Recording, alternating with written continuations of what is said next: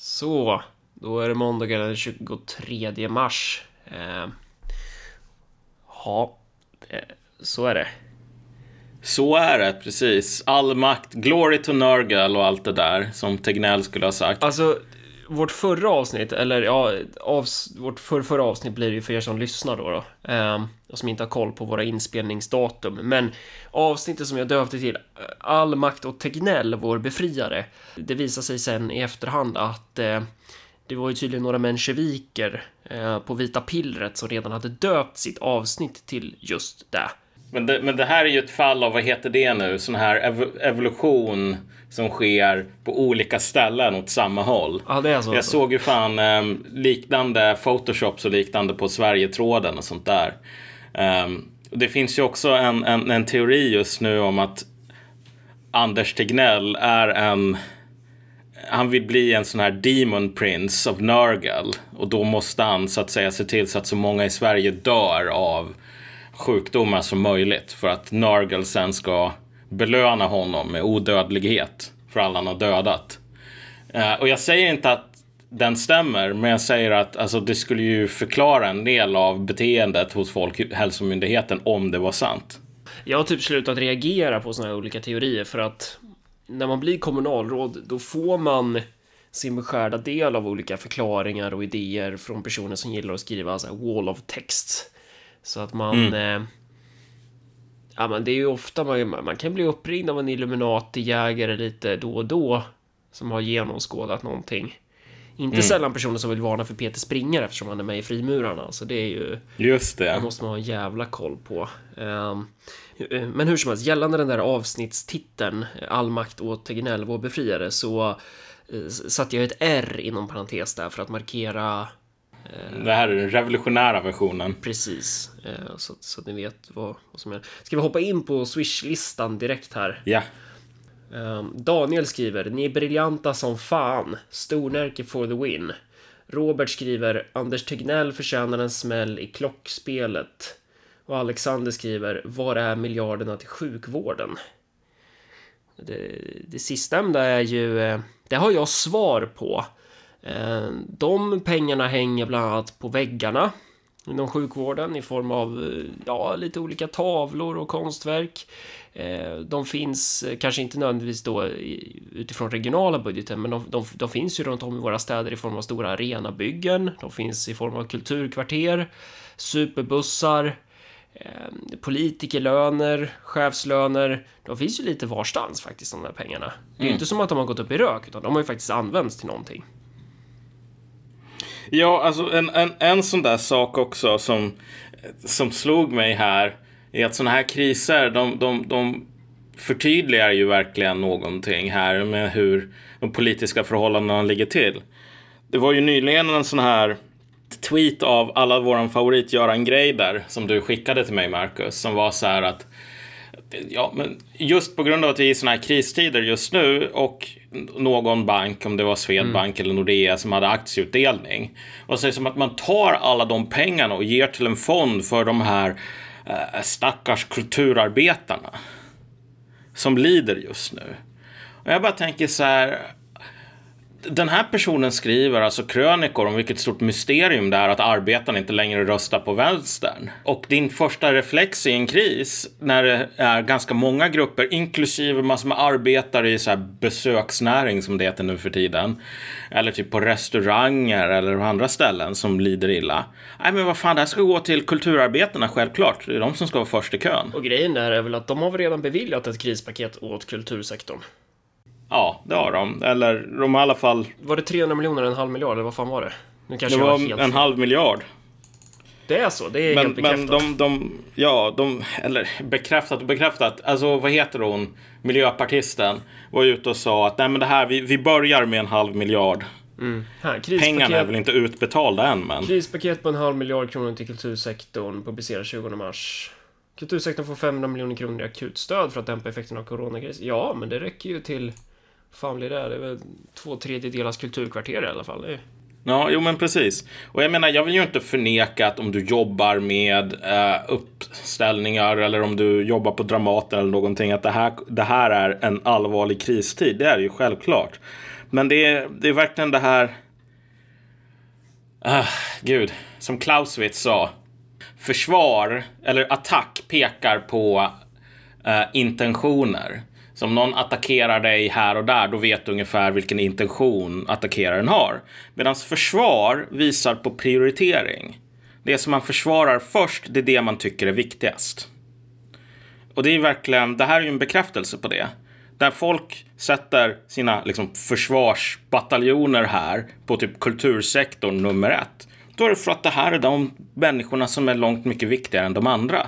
Klasskampen tar ju inte paus när det blir kris, tvärtom, den intensifieras ju. Um, jag går ju runt, jag vet inte hur det är med dig, men jag går ju runt och är lite så här, känner mig lite halvt lobotomerad, typ, för det är ganska mycket att ta in. Vi har ju liksom mm. gått runt och tjatat om det här nu i hur många år som helst och vi kommer hamna i någon form av kris.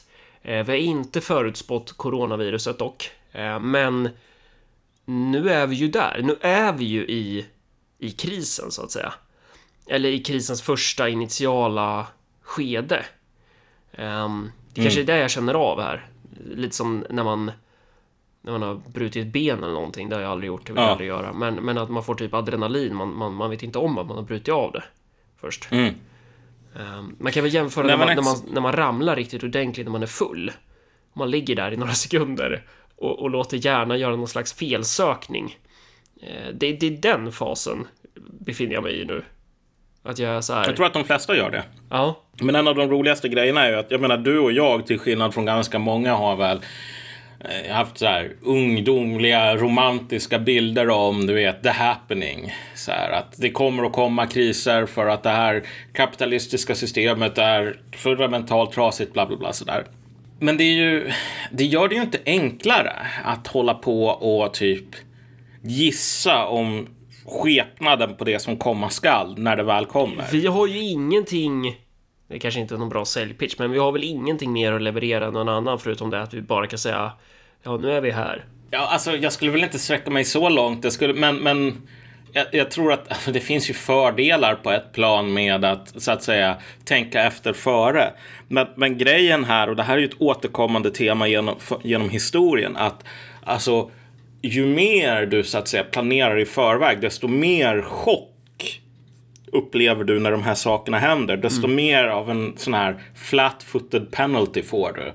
Um, I alla fall i början. Därför att en av de grejerna också är ju att jag får ju ofta det um, att folk har hela tiden kallat mig någon sorts sån här domedagsprofet en, som håller på att skriva massor med undergångsporr som de kallar det. Men när jag ser tillbaks på många av mina sådana här eh, prediktioner här. De flesta av dem har ju varit för optimistiska snarare än för pessimistiska. Mm. Um, vilket också är någonting som när man sitter där och bara inser fan jag var för optimistisk. Jag trodde att vi skulle få någon sån här allvarlig flunsa som skulle uppvisa lite visa på kriserna i vårt system och sen bara nej, det blir ingen allvarlig flunsa, nu blir det ett helt nytt virus. Och det där är ju också en, en det, dels så har vi ju i Sverige ett, ett visst problem att sticka ut huvudet redan som det är på grund av den här flockmentaliteten, ja. den här konformi, konformiteten, vad man ska kalla det. det. det. kan vara väldigt bestraffande att varna för någonting och gå emot strömmen. Ja. Eh, och det, det, det, där märker ju jag av redan nu, bara efter något år i, i, i kommunen, att så här, till slut när man har ställt en fråga fem, sex gånger, typ vad ett dokument fyller för funktion eller man frågar så här, men borde vi inte göra det här? Och folk kollar på dig som om du är helt dum i huvudet. För att ja. du kommer från ett annat perspektiv. Du, du, du, är en utbörling, du förstår inte kutymen, du förstår inte vad, vad som händer. Typ. Alltså till slut så känner man sig som en idiot. Um, ja, men exakt. Till, till, slut så internaliserar man ju den här mentaliteten. Det behöver inte betyda att man, man håller med dem, men att det blir liksom Förstår du hur jag menar? Att det blir... Eh, ja, jag förstår exakt vad du menar. Ja. Men det finns faktiskt ett citat här som är från någon Jacques Barsun som sa att dekadens är inte ett skällsord utan det är liksom en definition på ett tillstånd där det absurda blir normalt. Någonting man måste acceptera. Och det är ju det som du talar om här att du vet, man håller inte med de här galningarna om att liksom, dokument ska skrivas och ingen ska ha koll på och inga återkopplingar ska göras. Men alltså, alla andra tycker att det är normalt. Så då står man där i slutändan och bara, är det jag som är konstig? Exakt, det är som när du försöker vara typ nykter och ren på en festival. Ja. Och alla bara springer runt och bara Jag har spytt på mig själv! Och det typ så här hänger någon upp och ner och urinerar på ditt tält. Medan någon annan liksom ligger och har sex med ett, ett stycke korvar i leran typ. Eh, och folk bara beter sig. Och det är bara... Då, då måste ju du bli ett med det där. Du måste på något sätt... Eh, det är ju typ det enda sättet att överleva på en festival. Är att man, man beter sig så själv. Eh, men ja, Ja. vi, vi ska tacka fler som har swishat. Eh, det, vi säger tack till Viktor, Oskar, Karl, Alexander, Björn, Hannes, David, Björn, Erik, Anders, Alexander, Jerker och Jonas. Och så tack, Tack till så alla mycket. patrons också. Vi är ju redan inne på ämnet här. Det är väl eh, inte helt klart definierat, men, men lite, lite allmänt typ. Lite olika eh, tankar som vi har kring den här eh, coronakrisen och allt vad det är. Ja, alltså en del saker har ju hänt nu sen, sen vi spelade in sista gången. Ehm, och nu har vi ju gått från ett, jag vet inte hur många hundra fall det var när vi spelade in, men nu är det ju uppe på ett antal tusen och antalet döda börjar ju gå upp sådär. Menar du Sakta i världen eller i Sverige? I Sverige. Ja, I, I världen har ju verkligen saker hänt. vi har ju inte koll på, vi har ju inte alls koll på, på smittan i Sverige. Vi har ju slutat mäta det totalt. För det är ju bara, det är bara de som kommer till sjukhus som vi har koll på, eller hur? Ja, det, det är så att för att få ett test, om jag inte missminner mig just nu, då är det så att du behöver läggas in på sjukhus, på, på typ intensiven. Eh, med alltså eh, symptom som ligger i linje med corona. Ehm, och du behöver vara allvarligt sjuk. Det här, har ju, det här vill ju ingen vara helt övertydlig med därför att det, det är skämmigt och politiskt jobbigt att erkänna det. Men så här, i, i Sverige, att vi inte testar har ingenting att göra med, och Tegnell har ju varit ute och sagt, det är inte längre intressant att veta de här sakerna, för just nu går vi in i en ny kritisk fas där vi inte behöver den här informationen. Det är så här, anledningen har att göra med att vi inte har råd. I det som Anders Lindberg kallar för världens modernaste land så har vi inte kapaciteten att utföra tester ens på folk som jobbar på våra sjukhus med coronasmittade och som börjar uppvisa symptom. Där säger man bara, ja men du får stanna hemma om du känner dig krasslig, men så här, vi kan inte testa dig. Pengar finns ju ännu i, i budgetarna. Om, om man tycker så här, om man nu ska prioritera bland de slantarna så borde det där vara prio ett, typ. Att se till så man har lite koll på vilka anställda som är sjuka och inte. Ja, men alltså saken är väl bara den att ehm, i de flesta system som verkligen är, du vet, om vi tänker oss Frankrike under franska revolutionen. Frankrikes problem var ju inte att man var utfattig och inte hade någon sån här potential som land längre. Utan efter revolutionen så gick man ju i krig med hela resten av Europa och bara spöade skiten ur alla. Um, och typ tog kontroll över hela kontinenten i princip. Utan problemet är ju att ekonomin var ju liksom fundamenten här var, var sunda. Men att så mycket var uppbundet i så här totalt icke-fungerande det var liksom för mycket corruption som i Civ 4. Att Du, har, liksom, du tjänar hur mycket pengar som helst men typ allting äts upp av bara någon sån här svart hål. Och- tänk bara så här att i såna här krisplaner nu för tiden, om du ska skriva en krisplan eller om du ska jobba på eh, Myndigheten för samhällsskydd och beredskap. Hur mycket pengar lägger man ner på typ så här studier av att så här, vi måste genuscertifiera den här krisplanen eller vi måste undersöka hur det här relaterar till genus, typ. Eh, jämför det med hur mycket pengar som går till det som så att säga är kärnverksamheten, vilket är att bygga upp någon form av beredskap, kanske till och med beredskapslager. Det är bra att Och- du säger det, för att imorgon så är det ju kommunfullmäktige. Imorgon tisdagen den 24 mars. Eh, och jag har än så länge bara skummat de här planerna, men mig veterligen så... För vi ska ju då såklart revidera krisledningsplanen, eller vad fan det var för dokument. Eh, och... Eh, jag har för mig att de skriver en hel del om genus, men jag tror inte de nämner beredskapslager en annan gång. Nej, så jag tänkte exakt. helt enkelt se om jag kan få in det i den planen, men det kommer väl tolkas som att kom inte här och politisera det här nu, Marcus. Nej, men exakt, men det är just det. Det här är det som är Sveriges problem, inte att det inte skulle finnas resurser att hålla på och skala upp testningen, för andra länder har gjort det under den här krisen sagt att nu måste vi prioritera testning mer. Vi har begränsad kapacitet så nu ska vi bygga ut den. Men det, det verkar inte ske i Sverige just för att men man prioriterar inte det helt enkelt. Det finns ju, det finns ju två poler här eh, vid sidan av regeringen. Den ena polen är ja, men vi borde ha kraftigare åtgärder. Vi borde, borde stänga ner mer och där är väl du och mm. jag.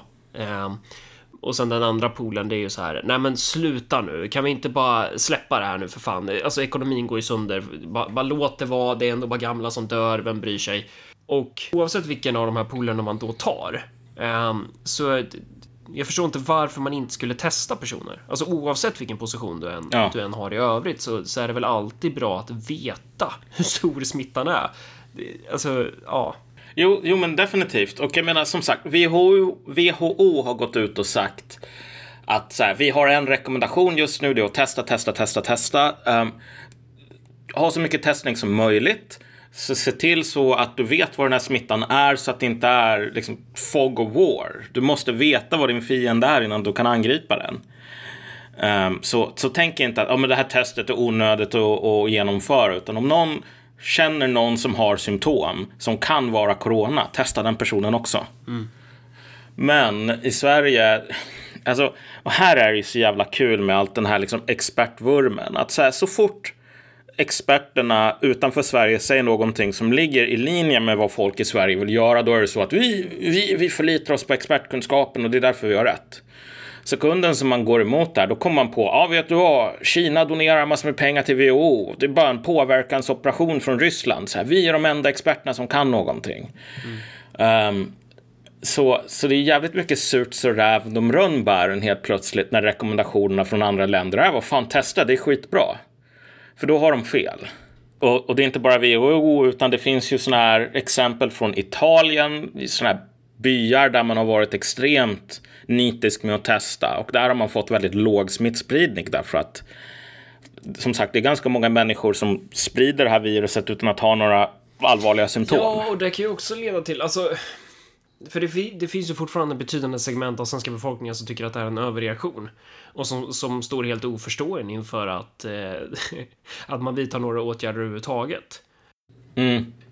Vilket ju är ganska sjukt, för då kanske, alltså, Sverige är väl det landet som är eh, mest chill gällande hanteringen av det här viruset. Mm. Alltså hela, hela Europa är för fan nedstängt. Eh, britterna övergav ju sin linje för länge sedan ju. Ja.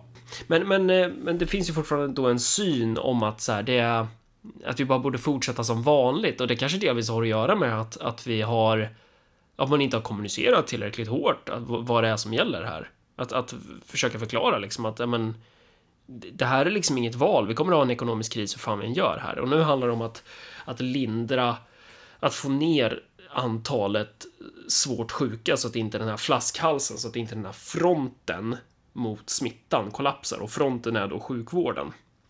Och sjukvården, ja. den är ju redan överbelastad som det är och det, det har man ju tjatat om. Alltså det, det, har väl inte gått en dag de senaste 25 åren som man inte har pratat om att det kanske är en jävligt dum idé att skära ner på sjukvården. Men ändå så har ju parti efter parti, oavsett vilken jävla färg det har varit på regeringen, så har man gjort det. Oavsett vilket landstingsstyre det har varit. Det är ju alltid kärnverksamheten som har fått betala.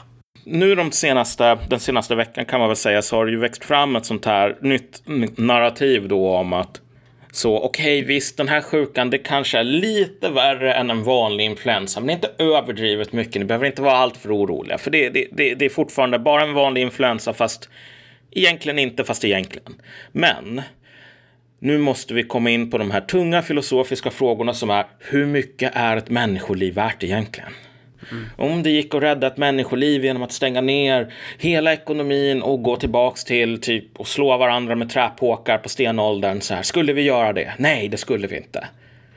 Um, så, så här finns det verkligen en, en, ett, ett, ett fruktbart fält av filosofisk diskussion som vi måste ägna oss åt just nu för att vi, vi måste fundera på om så jävla ett par enskilda gamlingar är värda att bara rasera en ekonomi. Och Alltså det finns något jävligt feltänkt med hela den, hela den problemställningen om vi säger så. Därför att vad den säger är mer eller mindre så här att vi befinner oss just nu i, vi har en medelsvår influensasäsong. Och visst, det är lite jobbigt. Men ovanpå det så har vi politiker som håller på och hetsar. Och genom politikernas hetsande så blir folk oroliga och får panik, vilket gör att ekonomin kraschar. Mm. Så politikerna borde sluta upp med det här och så måste vi återgå till det normala och så måste vi sluta hålla på och hetsa upp oss sådär. Uh, typ alla ska få ett ex av uh, David Eber Eberhards, vad heter det nu, så här, godhets eller trygghetsnarkomanerna. Ett litet problem med just tesen i trygghetsnarkomanerna, vilket är att Sverige är det unikt trygghetsknarkande landet. Mm. Det finns ju vissa problem med, med, med en sån hypotes i ett läge där nu har vi en, en allvarlig epidemi och Sverige är det landet i världen som gör minst. Uh, men, men jag tror att den nya tesen är så här att okej, okay, men Sverige har slutat vara trygghets... Det är som Kina med, med det här uh, med corona. Okej, okay, Sverige var epicentrum. Men nu har resten av världen blivit trygghetsnarkomaner medan den fasen har bränt ut sig i Sverige eller något sånt. Du är säker på att Eberhard har den positionen att han tycker att vi överdriver yeah. så Ja. Mm. Jo, jo, jo, jag läste ett inlägg från honom om detta i förrgår mm. vid inspelningstillfället. Och jag menar, och det är ju, det här är ingen peak specifikt mot Eberhard därför att han är ju verkligen inte ensam och inte liksom sticker inte ut på något sätt, utan det här är ju en ganska vanlig attityd som folk har. Den har blivit lite mindre vanlig nu, för typ för två veckor sedan sa ju alla bara det här är bara en flunsa, okej? Okay? Jag, jag kan inte allt, jag vet inte allt, jag vill verkligen understryka det. Men ibland kan man få en ganska tydlig fingervisning av beroende på vad vissa personer i ens omgivning säger. Om man har då person X, Y och Z och man vet att person X brukar alltid tycka att, att eh, nej men pöben är korkad, eh, så här, jävla Sverigedemokraterna, jävla populister, bla bla bla. När, när den typen av personer då säger att nej men det här är chill, då vet mm. man att då är det fan inte så jävla chill. Mm.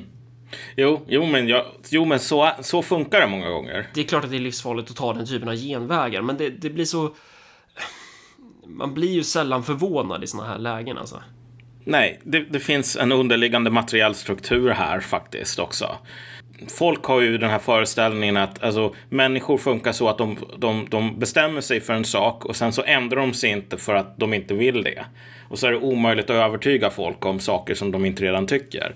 Men det som gör att folk ändrar sig, eller jävligt motvilliga att ändra sig även när det kommer bevis, det är ju inte att ha fel i sig, utan att betala ett socialt pris i det sociala sammanhang man är genom att ha en åsikt som är motvalls. Exakt. Så det är därför som den här sortens väldigt primitiva kolla på vilken som säger vad ändå funkar på något plan. Därför att man kan se den dynamiken. Det, ideologi är ungefär som virus i den meningen. Att det är, så här, vissa, vissa med en viss ideologisk uppsättning har ju levt i karantän från andra ideologiska uppsättningar. Ja det var ju väldigt spännande att se då när man korsade den här vänsterfilterbubblan med den här nya filterbubblan som man fick när man började på nyheter idag. Hur ja. intressant det blev. Men ja, Exakt. var fan var vi någonstans? Var... Ja, nej, men just det här med, okej, okay, vi har de här två sidorna och den ena sidan säger bara, vet du vad, vi måste öppna upp och återgå till det normala för att så här, en ekonomisk kris är fan någonting som kommer att ta koll på massor med människor också. Vi kan inte tillåta att det sker. Så därför måste vi sluta vara så irrationella. Och alltså det här är det här påminner mig lite grann om, om vi tänker oss de här fem faserna av eh, sorgehantering. Där den första är förnekelse, den andra är ilska och den tredje är förhandling. Mm. Det här är förhandlings mekanism som pågår när folk säger att nu måste politikerna skärpa sig. Och speciellt när de gör det i Sverige i, i, i någon sorts naiv tro om att svenska politiker har någon sorts makt att, att eh, vända på den här utvecklingen. Det är verkligen som den här kedjerökaren med lungcancer och cancern har spridit sig i hela kroppen och säger men vet du vad, jag röker fem paket idag, men om jag går ner till två och ett halvt paket, då kommer väl det att göra någonting. Och så behöver läkaren diplomatiskt säga nej, du kommer att dö ändå. Sådär.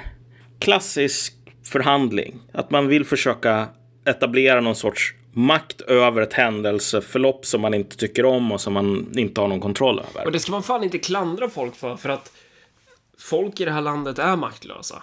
Vi har, Mm. vi har blivit lovade en makt via, ja, våran grundlag. Att så här, all, all makt i, i Sverige utgår från folket, eller vad fan det står. Mm. Men i praktiken är det ju inte så.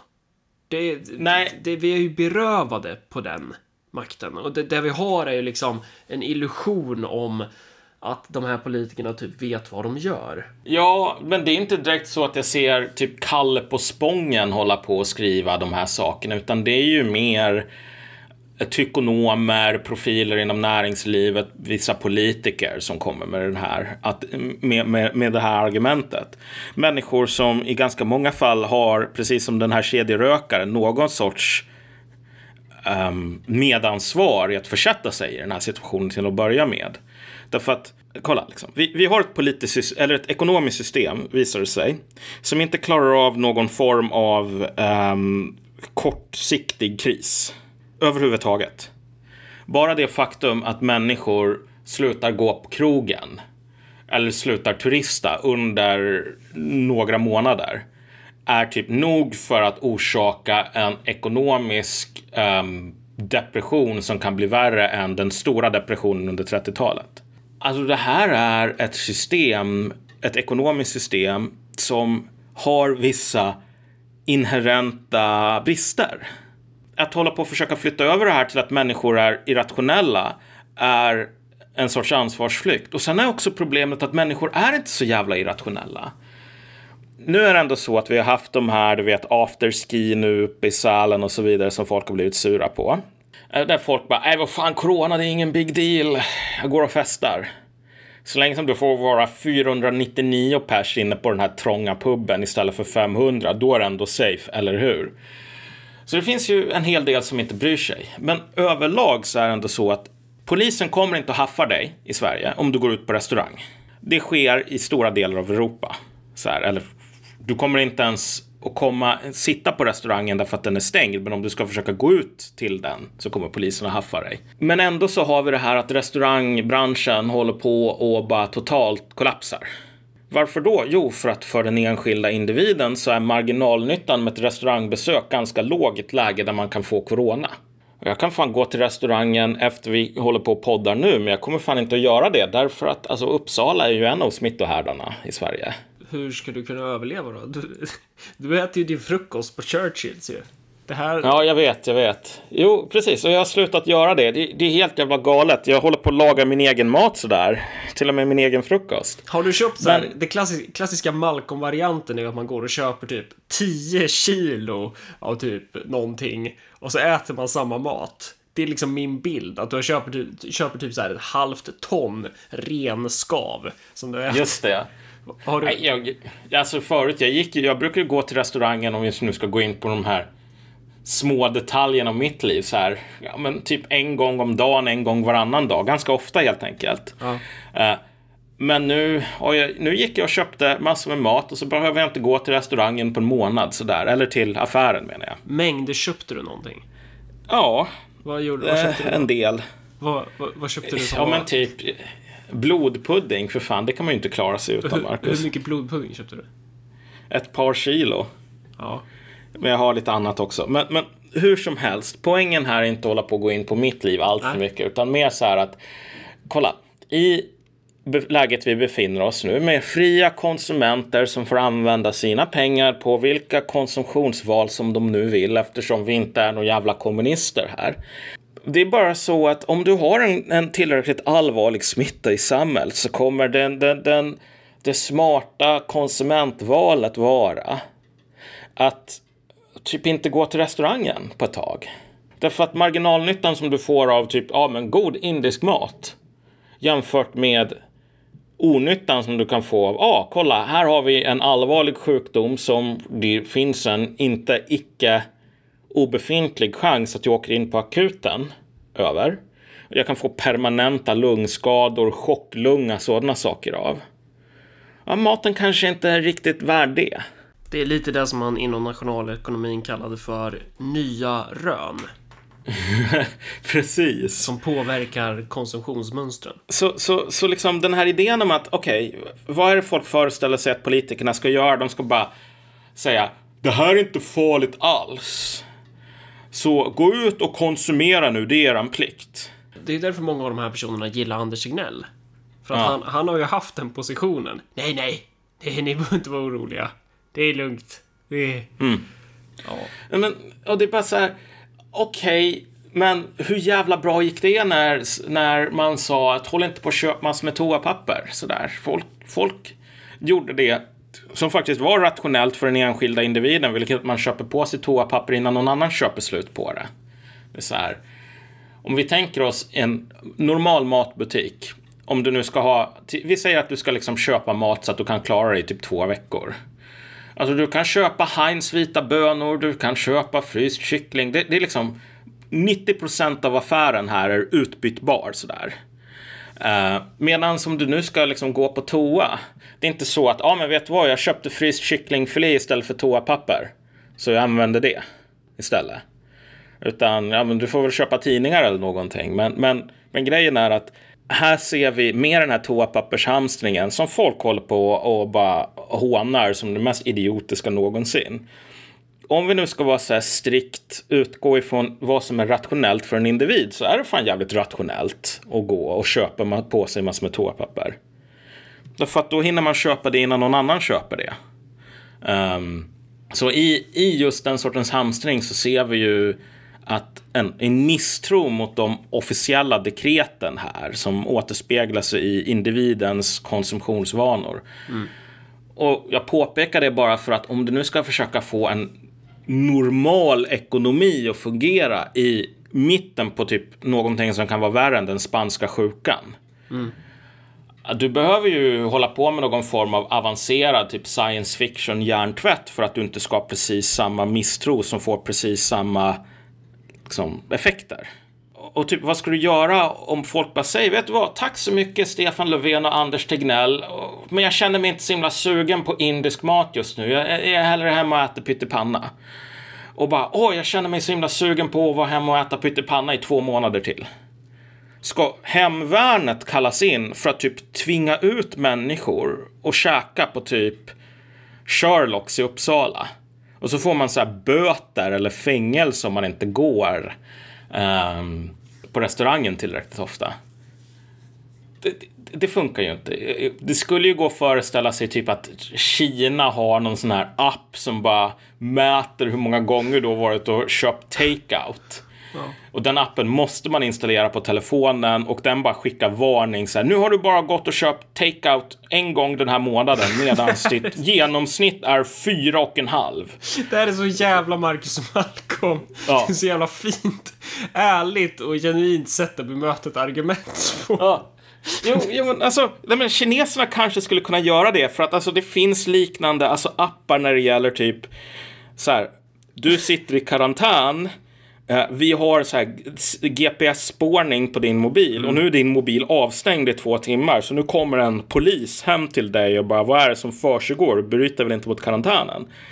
Men alltså försöka få det när det gäller att hålla ekonomins hjul rullande mm. i typ Sverige.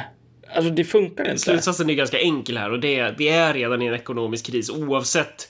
Alltså, det, det, finns ju två alternativ här. Antingen så ja. bara släpper vi det löst helt och hållet och vi bara börjar pumpa statlig propaganda som säger att det, det finns inga problem med den här smittan och så kommer folk bli sjuka så inåt helvete. Mer än vad vi ja. är på väg att bli. Då, då ryker ju sjukvården, då kraschar ju den utav bara fan. Men och inte göra det, för det är det som är strategin här. Det är ju fortfarande, det är ju, man försöker ju fortfarande hålla någon form av balans. Um, ja. och, och, det är ju att, att, minimera trycket på sjukvården. Och det är därför du vill ha så få personer i rörelse som möjligt. Ekonomisk kris, det kommer vi ha oavsett. Ja. Um, så, ja. Så att, och, och, och, man, och då är det så här, ja, då får man ju, jaha, hur, hur opererar vi nu då? Um, och när man tittar på typ så här den kommunala krisberedskapen i Örebro så kan man ju tänka så här, ja men det, fan det är ju lugnt, vi har ju lagt undan pengar sedan tidigare. Det är klart att vi har beredskapslager, det är klart att vi har, att vi är rustade för för en eventuell nedgång. Och det behöver inte vara att man ska liksom gå runt och tro att det ska landa aliens eller att det ska bli pandemier eller någonting. Men saker kan ju hända. Saker kan faktiskt hända. Det kan faktiskt hända att det kanske landar en jävla alien imorgon. Kanske... Mm. man, man behöver ju alltid ha en buffert för någonting. Det, det, får vi ju lära oss eh, från det att vi är små liksom. Ja. Eh, men, men inom kommunsektorn så råder ju total Lyxfällan-mentalitet. Eh, ja. Så att i Örebro har vi redan en skuld på 16 miljarder. Den kommer ligga på 27 miljarder inom om det är 2025 tror jag. Mm. Um, man, man, har spenderat pengar på ett jävla kulturkvarter för 723 miljoner. Det är en miljard på superbussar, det är skridskotorg, däckankor, rosa gator, det är open art, det är Alltså, och, och, det är ju bara det här liksom konstutsvävningar och större projekt och sen har du ju alla de här onödiga yrkesbefattningarna också. Vi, vi har lagt pengar på fel, fel poster och man kanske till och med skulle kunna så sträcka sig till att säga vi, vi skulle kunna ha lagt pengar på fel poster bara vi hade lagt lite, lite, lite grann under lång tid på att bygga upp ett mm. beredskapslager. Vi har varken beredskapslager i form av eh, alltså fysiska resurser, alltså utrustning typ. Eh, eh, vi, har, vi, har inte, vi har inte mat i lagren. Vi, och vi har definitivt inte ett ekonomiskt utrymme att, att kunna vidta ja, men, skyddsåtgärder. Att kunna freda kommunens företagare nu. Mm. Det är så här, vi, vi, har ju redan, vi har ju redan tömt ut allting vad vi har. Och, det, och, så ser det inte bara ut i Örebro, utan det, hela Sveriges kommunsektor är ju superskuldsatt. Ja. Och då kan man vända på det för så här, det här har vi tjatat om ganska länge nu. Och vissa har ju tyckt att bara, ah, men det är lite rolig teater när Marcus Allard står och skriker om det, eller kommunfullmäktige. Men nu, nu kommer vi kanske få känna av det här på ett sätt som vi inte hade kunnat föreställa oss. Nu kanske det blir så att väldigt många män människor kommer ja, men till och med hamna på gatan. Gå från ett, gå från ett städat knega liv till att, till att inte ha ett jävla piss. Ja, precis. Och jag menar, och det, de två sidorna här, om vi säger så att det kommunala, det offentliga och deras Lyxfällan-mentalitet speglas ju och är en del av på ett sätt det privata näringslivets liknande lyxfälla-mentalitet. För vi har en ekonomi som funkar skitbra om den körs på 100 procent. Men om du behöver bromsa, då skär sig den här motorn och så går den inte att starta upp igen. Det här är inte ett ett smart designat ekonomiskt system visar det sig. Därför att det är ett system som förutsätter att aldrig det kommer att ske någonting som kräver att man behöver sakta ner den här. Det kommer inte att ske något stort krig, det kommer inte att ske någon stor farsot eller någon annan sorts kris. Um, alltså, det är, inte, det är inte den enskilda konsumentens fel. Nej. Det här är ditt fel. Det här är liksom allas fel som har propsat för den här ekonomiska modellen. Um, och vad vi går emot är ju på ett plan och det känns ju lite overkligt nästan. Och det är ju en chans som, om vi säger så här, liksom vänstern som borde vara de som pratar om sånt här, de kommer inte att vilja göra det. Men, men efter murens fall. Vi kan. Ja, vi kan, för vi är inte en del av vänstern längre, tack och lov. Men, men efter murens fall så var det ändå så att alltså en kritik av den ekonomiska modellen. Det reducerades till att bli en sorts eh, skådespel. Som en sån här medeltidsveckan eller någonting. Eller någon sån här reenactment där folk tar på sig så här tyska Stahlhelms och skjuter med lösa skott. Alla vet att i slutet av dagen så går man hem där, ja. slår på Let's Dance och käkar sin tacos. Eller, eller Let's Dance på lördagar eller fredagar. Ja, alltså alla men... som håller på med alla som håller på med World War 2, vad säger jag, gud, andra världskrigets reenactments. Ja. Um, de vet ju att andra världskriget är över. Och den politiska kritiken av kapitalismen här, um, den var ju precis på samma sätt. Det var ju en reenactment och alla visste ju, fast de inte ville erkänna det, att alltså, du vet, 1900-talet är över.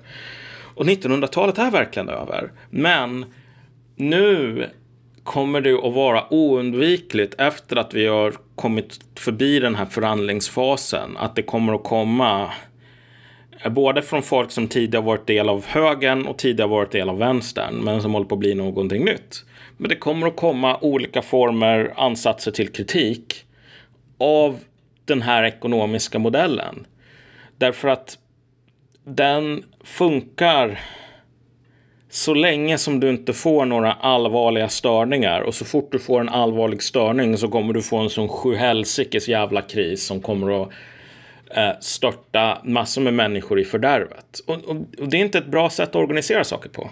När jag pluggade nationalekonomi A, då fick man ju lära sig att det värsta som finns i ett ekonomiskt system, det är människor som sparar pengar. För att de mm. pengarna omsätts inte i blodomloppet. Så, mm. så vi, det, det, mest optimala det är att man så här spenderar precis på öret av det man tjänar in så att du hela tiden har hjulen igång. Eh, men så funkar ju inte människor. Människor är ju tillräckligt vettiga för att kunna ha besparingar. Eh, mm. men, men, men det finns ju motsättning där. Antingen så, så konsumerar du allt och så står du där med pungen i brevlådan ifall du förlorar jobbet eller vad som nu händer. Eller så, så gör du inte det. Eh, mm. Och, och detsamma, detsamma kan ju, man, man, kan ju dra samma liknelse på, på ett samhällsmässigt plan. Att det har varit svårt att propsa för beredskapslager i, i, en, i en kultur, i en politisk kultur som har gjort gällande att allting ska gå på 100%. Allting ska vara ja. liksom, alla hjul ska köra i 150 km i timmen. För det är den typen av politisk ekonomisk logik vi har haft. Att det har liksom varit eh, en dödssynd eh, att lägga pengar på någonting som bara ska vara där, ett lager. Alltså bara idén om ett lager. Mm. Lagret är ju i sig själv någonting dåligt enligt den här logiken vi har haft. Jag har väl inte varit på världens bästa humör nu de här dagarna. När man bara går runt och ser på, ja, nu kommer ju allt gå åt helvete, men någonting som får mig att det liksom verkligen så här börjar hända någonting i bröstet på mig. Jag, jag, jag mår det känns lite bättre. Det är när jag ser de här superliberala idioterna sitta i tv och prata om att de är livrädda för att eh, den globala marknaden, den fria marknaden, de, de öppna gränserna, att allt det här ska gå förlorat. Då känner ja, jag, ja, bra. Det är fan exakt det som ska ske. Vi ska tillbaka exakt. till nationen, vi ska tillbaka till staten. Det är ju så här, det ska inte finnas ens på kartan att vi överhuvudtaget liksom har outsourcat en enda liten detalj av vår krisberedskap till, till marknaden. Det, det, det är så här, det, det, är det första du ska ha på det torra. Det, det är dina jävla basala kärnverksamheter inom staten. Mm. Nej, men, och, och, det, här är ju, det här är ju det stora problemet med den här sortens dikotomi mellan du vet, rädda människoliv, vilket vi, vi skulle inte vara beredda att gå tillbaka till stenåldern. Så därför måste vi ut och konsumera nu och hålla marknaden igång. Uh, och det här med, alltså det, det är bara en totalt felaktig uppställning därför att om du har ett system som gör att Liksom, för det första, det här är inte bara en vanlig influensa. Vi har vanliga influensor hela tiden. Det är därför de kallas vanliga influensor. Eh, och ingen stänger ner ekonomin sådär. Och grejen är ju att det finns andra länder än Sverige. Det finns andra experter än Tegnell och de verkar vara relativt eniga om att detta är en big deal och väldigt många människor kan dö. Och, Storbrit- får jag stoppa det där bara? Ja. Om det är så att de har fel, för då finns det ju en tes som är liksom att politiker gör bara så här för att få poäng. Som, som, alltså, fattar du hur sjukt det är att människor på riktigt kan tro att typ alla politiker i västvärlden bara stänger ner sina länder för att de vill få lite röster. Alltså, det, det, det sista du vill göra som politiker är att fucka upp din ekonomi. Ja, precis. Men ja. Nej, men precis. Snarare är det nog så att politikerna motiveras av ett, ett behov här att undvika att hängas från lyktstolpar. Så att det inte är så att jag vill få mest poäng och vinna den här kuppen, utan det är mer att jag vill typ se till så att det orsakas minst skada i en sammantagen bedömning här. Och i den sammantagna bedömningen så finns det ekonomiska um, faktorer, men sen också rent mänskliga politiska sådana. Så försöker man väga ihop det här. Men, men i Storbritannien var det ändå så att man, man räknade med om ingenting gjordes, vilket inte är samma sak som att säga gå ut och konsumera annars skjuter vi er. Liksom så här. Gå ut på semester annars så jävlar.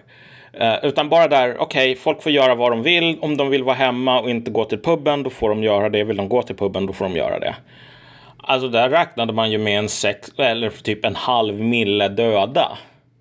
På ett land som ändå har, vad är det? Det är väl typ 60, mellan 60 och 70 miljoner. Jag kommer inte ihåg den exakta siffran. Vadå, hur menar du? Att, att man räknade på att om man inte gör de åtgärderna så kommer en halv miljon människor dö? Ja, precis. Om, man, om, om regeringen inte gjorde någonting alls, bara lät det här liksom, normaliteten fortgå. En halv miljon döda. Det är ganska mycket människor. Där har du ju ekonomi alltså. Ja, exakt. Därför att det är så här, när, kolla, när folk väl börjar dö och när folk börjar inse så här att um, okej, okay, chansen att jag dör, den är kanske på en procent. Men chansen att jag blir sjuk, den är ganska mycket större. Mm. Den är, jag, jag, har liksom en 60% chans att bli sjuk i corona. Och sen när jag väl blir sjuk, då är det lite så här rysk roulette. Typ en på sex, en på tio och en på fem. Någonstans däremellan i något intervall. Att jag kommer att hamna på akuten. Men givet att alla andra kör det här hasardspelet så är det jävligt många som kommer att hamna på akuten. Vilket betyder att chansen att jag kommer att få någon vård i ett kollapsat sjukvårdssystem, den är typ noll. I ett sådant läge, det är ungefär som du vet en jävla brandförsäkring. Varför tecknar man en sån? Den kostar ett antal hundralappar eller någon tusenlapp i månaden, sådana här försäkringar för hemmet. Men alltså chansen att din kåk brinner ner just den här månaden, den är ju 0,0,0,0,1 procent eller någonting. Men det här är ju ekonomi 101. Man tecknar en brandförsäkring därför att även om risken att den här olyckan inträffar är låg så är det ändå så att om den inträffar, då är liksom livet över om man inte har en försäkring. Mm. Uh, och det är samma sak här. Eftersom vi litar på att människor fungerar ekonomiskt så, så att de skaffar försäkringar. Det är naivt att tro att de inte kommer att agera på samma sätt som försäkringar. Deras egna liv och deras barns liv står på spel och typ så fort du börjar få så här som i Italien att så här, armén måste kallas in för att typ frakta lik. Eller i Iran där man håller på och gräver så här massgravar som det finns satellitfoton på bara. Och där, där kör man ju hela den här grejen som de här människorna drömmer om. Bara, Allting är bra, säger någon jävla Bagdad-Bob. Typ, ingen är sjuk i Iran, eller kanske några, men det här är jättefint så här. Och så håller man på och skickar ut folk och gräva massgravar där man ska dumpa de döda kropparna. Du kommer inte att kunna få en normalt fungerande ekonomi under de förutsättningarna. Ehm, så din ekonomi kommer ändå säcka ihop eftersom bristen här att du inte kan köra den här motorn på 50 procent i ett par månader utan att den totalt skär sig inte går att starta igen. Den finns där. Ehm, men du kommer att få kaka på kaka. Du kommer att få en humanitär katastrof ovanpå det alltså när du ska starta upp ekonomin igen. Eh, vi är ju exportberoende i Sverige. Eh, mm. så, att, så att om man bara rycker på axlarna här och inte gör något åt saken, då kanske inte alla länder kommer vara så pigga på att öppna gränser med oss. Nej, nej, det är just det också. Ja.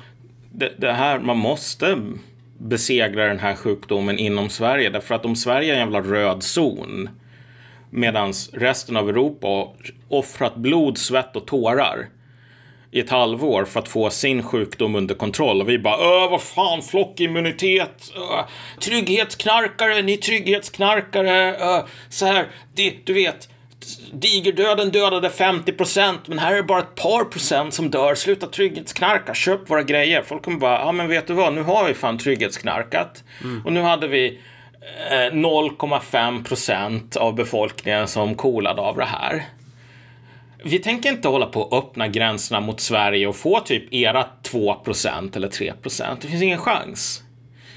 Uh, så, så det, det, den här idén om en kontroll här över förloppet är ju felkonstruerad bara. En till grej som kan komma att stå lite på spel, det är ju Europeiska unionen. Alltså vi, vi fortsätter ju att punga in miljard efter miljard i det där jävla skitsystemet. Eh, jag, jag, vill, jag förstår inte varför vi, eller ja, det är klart att det finns fördelar med att vara med i EU också förstås, men, men nu, nu om, om någonsin så borde väl inse att det är bättre att stå på egna ben. Det är väl inte som att vi har fått någon jävla hjälp från, från den där skiten nu? Nej, alltså det här är ju en av de problemen med den här återigen när folk skriver sådana här artiklar. Jag är så himla rädd för att allt som vi har kämpat så länge för att bygga upp kommer att försvinna. Ja, det är bra om meningslösa, oanvändbara saker försvinner. Det är bra om man slänger ett paraply på soptippen när paraplyet inte håller tätt mot regn. Så. Mm. Um, men för du vet, i Sverige nu har vi plockat bort EU-flaggan från de här tal till nation och alla sådana här presskonferenser. Förut var det ju svensk flagga och en EU-flagga, nu är det bara svenska flaggor. Så har politikerna på sig så här svenska pins, typ som om det vore USA. Um, de har lyssnat på Marcus och Malcolm. Precis. Jag tror inte att, jag tror, jag tror inte att det, har, det här bortplockandet av EU-flaggan har försiggått som någon sån här avancerad så här politisk kalkylerande. Utan man har nog bara gjort det här på känn för att man fattar att så här, när krisen kommer då står Sverige självt. Och, och Sverige har ju varit det landet som har bara, vi, till skillnad från olika skurkstater och oansvarstagande stater som Grekland och bla bla bla och, och Polen och Ukraina och alla de här dumma staterna.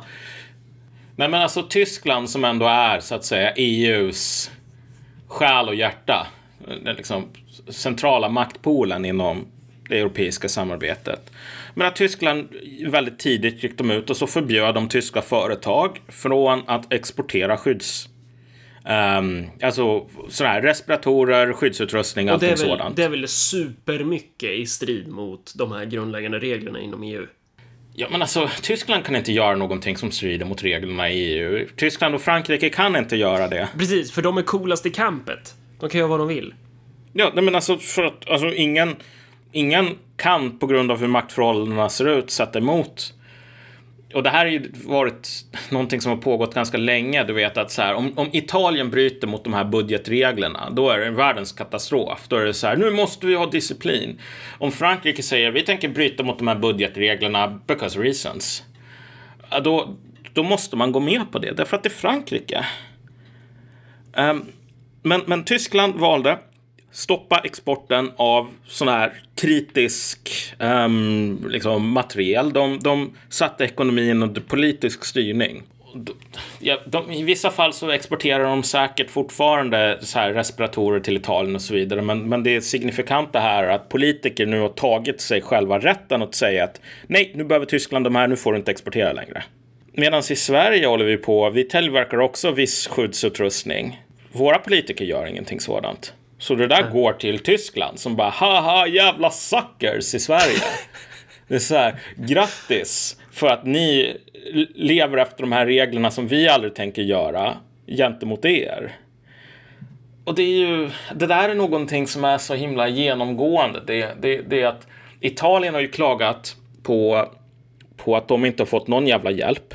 Och nu nyligen så är det så att det stod ju i, i nyheter om så här Kina skickade massor med utrustning till Italien och så vidare. Ehm, delvis så finns det väl säkert någon aspekt här av liksom ren tacksamhet för att Italien var en av de få länderna som skickade hjälp till Kina när det verkligen gällde Kina. Men sen är det här bara cyniskt kalkylerande också. Och eh, ännu mer cyniskt kalkylerande ser du ju från Putin där eh, enligt uppgifter så är det väl så att nu under lördagen så ringde alltså eh, Italiens om det var premiärminister eh, till, eh, till Putin och sa Italien, kaos, mamma mia, kan jag få lite hjälp? Ja. Eh, och på söndag kväll så kommer någon Anton, något Antonov-plan med massor med utrustning. Jag trodde det var nio plan. Ja, det, precis. Jag vet inte om det var nio stycken av... Ja, hur som helst. Det, det... Läser du inte Chang Frick på Nyheter idag? För att hålla dig uppdaterad om vad, vad Putin gör? Ja, jo men precis. Uh, jag borde ju göra det eftersom han är liksom Putins uh, högra hand här i det, Sverige. Det är också så jävla rimligt om man kollar på den här artikeln. Vänta. Det är någon bildsättning. Jag kan verkligen höra. Jag kan inte höra Changs leende för det är lite svårt att höra leenden. Men alltså bildsättningen på på den artikeln är ju också typ så här Putin som står framför ett stridsflygplan och bara ser jävligt mm. hård ut typ. Mm. Det, ja, det är bra. Ja, nej men, men som sagt, alltså man, från att man ringer bara hallå, eh, SOS, till att det kommer hjälp. Mm. Mindre än så här 30 timmar. Under en helg. Medan från EU, där får man inte ett jävla piss. Alltså det är ju, man ska inte ha några illusioner om att så här, det här är en fråga om bara ren generositet. Um, för att det är inte så det funkar på, i internationell politik. Men ändå så att, okej, okay, fine. Uh, uh, give the devil his due. Om den, den onda, uh, hemska motståndaren till frihet här kan skicka en så här så och så många respiratorer när man behöver hjälp. Medans försvara den goda sidan inte kan göra ett piss. Mm. Annat än att baktala det egna landet, typ. Um, ja, vad fan, då kanske den onda sidan är bättre. Därför att den ger i alla fall mer eh, användbara saker i ett krisläge.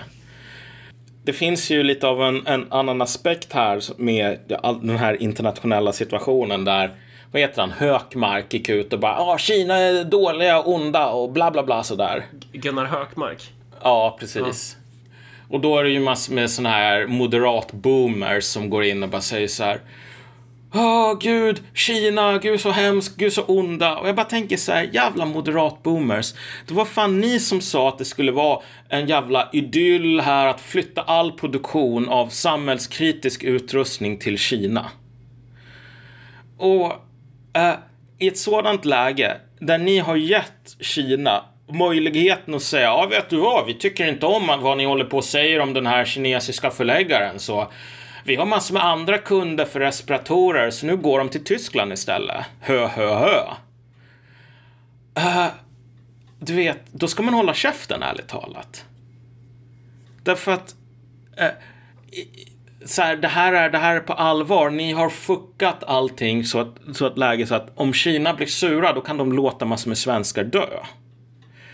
Och då blir ju responsen så här, ja vet du vad, ska vi, ska vi bara välja våra så här, respiratorer framför våra principer?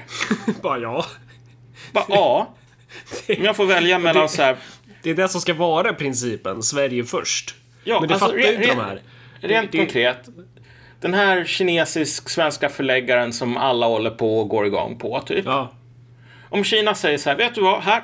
Eh, om ni bara håller käften om honom slutar hålla på och bråka. Här, ni får typ så många respiratorer så att ni kan rädda 10 000 svenska liv på det. Mm.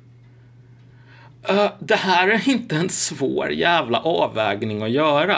I en perfekt värld så skulle man stå upp för demokratiska värderingar och bla bla bla. Men i en perfekt värld så skulle typ Gunnar Hökmark ha skjutits in med en rymdraket rakt in i solen och typ brunnit upp. Innan han och hans gelikar kunde ha eh, hyllat den här nya ekonomiska modellen där allting, Kina ska producera allting. Mm. Medan i Sverige så ska man hålla på och typ syssla med serviceverksamhet och jag vet inte vad. Klippa håret på varandra. Um, liksom hela den här modellen är så jävla trasig. Även ur något sånt här säkerhetspolitiskt. Men det kommer ju vara väldigt, ja, att bygga, att dekonstruera det där att dekonstruera det kommer inte vara så svårt, för ekonomin kommer ju krascha. Mm. Men sen gäller det att bygga upp en nationell produktion också. Ja. Um, och det gör man ju inte på en pisskvart. Men, men det visar ju, alltså behovet är väl ändå ganska tydligt. Här, här ser vi ju, alltså den här krisen kan man ju inte... Ja, det här är ju resultatet av hur det här systemet ser ut. Ehm, Exakt. Då, då, kan man säga, nej, det är resultatet av coronaviruset. Ja, det är resultatet av coronaviruset i kombination med det här systemet. Det här systemet klarar inte av ett virus. Eh, Nej. Och så, som vi pratade om innan avsnittet angående Putin. Alltså ryssarna, de är jävla kackerlackor alltså. Eh, jag kan ju säga så här, för man kan inte bli anklagad för rasism när man snackar skit om ryssar i Sverige. Men, men de, med kackerlackor menar jag att de överlever ju alltid kriser. De dör ju aldrig ut de jävlarna, de finns ju alltid kvar där. Det är mm. så här, de... Det skulle ju vara nackskott om du börjar outsourca vital produktion. Vital rysk produktion. Mm. Ja, alltså, och det här är ju någonting som har... Jag menar, det finns en, en, en, en väldigt bred poäng och en smalare poäng här. Den breda poängen är ju att hela världen har varit där vi är nu, där vi har en hyperglobaliserad ekonomi som sen man kommer på av olika anledningar, typ om man vill eh, om man vill hålla på och kriga till exempel, så funkar inte det. Och så var det ju i början på 1900-talet. Då var, sa ju folk, början på 1900-talet, slutet på 1800-talet, det var laissez-faire. Så fort en ekonomisk kris kommer, jättestora skadeverkningar. Men det kommer aldrig bli krig för att hela världen är så liksom tätt sammanbunden med varandra. Sen monterar man ner det där och sen så tog det till slutet på 1900-talet igen. Um, till världen blev lika globaliserad som den hade varit hundra år tidigare. Och vi, vi, vi går in i en sån fas nu igen. Men Ryssland specifikt, och det här är den smala poängen, på grund av de här sanktionerna efter, efter Ukraina, med ja, den krisen där. Men hade, hade de inte sanktioner mot Ryssland redan innan Ukraina? Eller var det? Ja, skitsamma. Jag tror att det, det är i alla fall där som är de stora sanktionerna kommer in. På grund av att man annekterade Krim. Ja. Um, och därefter så kommer ju ganska hårda sanktioner på ryska befolkningen. Vad, vad, som hände var ju att Ryssland var tvungen att gå över till ett mer, mindre effektivt ekonomiskt system men som är mer robust. Så att man tillverkar massor med saker in-house. Um, man började med, man, man boostade sitt eget jordbruk som tidigare var en jävla katastrof och nu är det kanske fortfarande lite grann av en katastrof men mycket mindre av en katastrof till den punkten att om det nu blev en sån här total matblockad så här, Ryssland skulle antagligen inte ha hälften av sin befolkning som svälter ihjäl, vilket skulle vara fallet i Sverige ungefär. Därför att de har redan tvingats delvis till den här anpassningen till en annan sorts ekonomi. Så att produktionskedjorna är kortare. Man kanske tillverkar saker på typ ett ställe i så här Turkiet eller kanske i Kina eller någonting och sen så går det till Ryssland snarare än att du ska ha liksom en produktionskedja med massor med olika länder i, här och var. Ja, och det finns väl fortfarande kvar någon form av sovjetisk eh medvetenhet, eller hur man ska säga. Att, att det, det finns fortfarande en, en, nationalistisk logik i ens ekonomiska policy. Att man tänker mm. att så här, nej men vi, vi måste vara förberedda på det, värs, förberedda på det värsta. Alltså, det, det är ju inte direkt som att ryssarna slutar träna för krig. Alltså, de, de, de har blivit utsatta för så jävla mycket elände i historien så det, det sitter fortfarande i. De, det finns fortfarande någon form av reflex. De har inte gjort som Sverige, rökt på på sin egen ideologi i 50 år så att synapserna bara ruttnat bort, utan det finns så här. Det finns något ja. som kopplar där liksom. Ja, men ehm, exakt. Men, men Sovjetunionen är ju också ett intressant exempel för att vi, vi brukar ju tänka på Sovjetunionen som typ hela den planerade ekonomin var så jävla planerad. Alltså att, att det var att man jobbade efter en utstuderad plan och sådär, men det var ju sjukt mycket improvisation när man började bygga upp det sovjetiska ekonomiska systemet. Mm. Eh, och det är ju det som händer med kriser, att de tvingar oss ju till att, till att anpassa oss. Eh, och, och det, det, du och jag argumenterar för här är ju inte att vi ska ha en Nordkorea-ekonomi, att allting ska produceras i landet, typ. Alltså, många produkter kräver ju kräver ju avstick i flera länder i världen. Mm. Eh, på grund av vissa råvaror finns ju bara där. Typ. Men, men man vill ju åtminstone ha den här medvetenheten, den här förståelsen för att alltså, det är vi som ska ha kontrollen på vår produktion på något sätt. Eh, beroende på vad det är för produkt så. Men, men alltså när det gäller så här skyddsmasker, det här som är våra kärnuppgifter, det ska ju inte vara något snack om saken. Det ska ju mm. vara så här, det, det ska ju vara klappat och klart. Eh, och sen så, jag ser väl ett ganska stort egenvärde i att förlägga ganska mycket produktion i Sverige så långt det går. Eh, ja. Att, det, att det, kan, det, det, finns ett värde i det där, för där har man ju, det kommer ju också in på någonting det här med um, vi har väl aldrig specifikt pratat om det i något avsnitt, men så här eh, meningens kris. Alltså att vi i västvärlden, vi har ju, nu kommer vi ha en coronakris, en ekonomisk kris och så vidare, men framförallt så har vi en kris gällande meningen. Mm. Vad, vad, har vi för funktion som människor, typ? Alltså ja. den här eh, och, och, och det kanske kan vara en nyckel till att se till så att människor har en plats i samhället, att vi, att vi att det finns policies om att ha inhemsk produktion så att människor har ett arbete, inte bara för ekonomins skull utan även för att, att det är vad som gör oss till människor, att vi har någonting att göra. Så. Mm. Nej men exakt. Jo men precis. Ja, men det här är ju en sån här klassisk marxistisk poäng att just produktion här, en social verksamhet och någonting som utmärker människan gentemot andra djur. Jag menar katter, de jagar. men de producerar inte. Hundar kan jaga i grupp, men det är lite samma sak här. Att det, visst, det finns kanske någon arbetsdelning i, i ett hundflock som jagar, att någon röker ut de här åkersorkarna eller vad det nu är medan andra jagar ikapp dem. Jag vet inte hur hundar håller på. Men det är ändå så att det finns något specifikt för just det mänskliga här att det är um, det kräver en väldigt hög grad av liksom, social förmåga att bygga en pyramid. Det här är någonting som så att säga um, bara kan ha någon sorts mening i en flock i ett större samhälle. Sådär.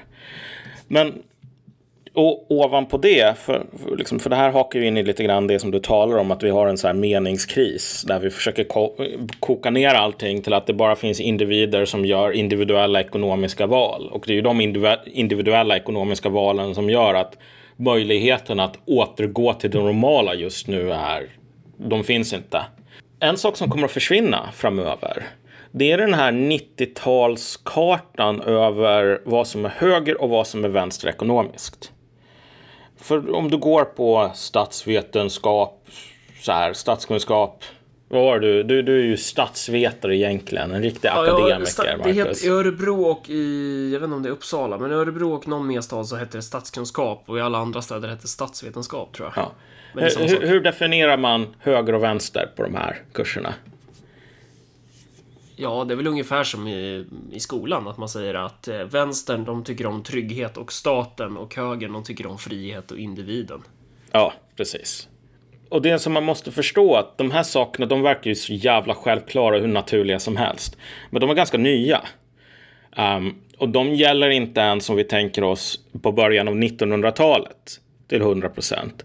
Ja, alltså, framförallt, så, framförallt så pratar man ju fortfarande om vänstern som någon slags jag vet inte hur, i, hur stor utsträckning man gör det på universiteten fortfarande. Det var ju fan 10 år sedan, 2009 började jag plugga statsvetenskap. Mm. Det är 100 år sedan.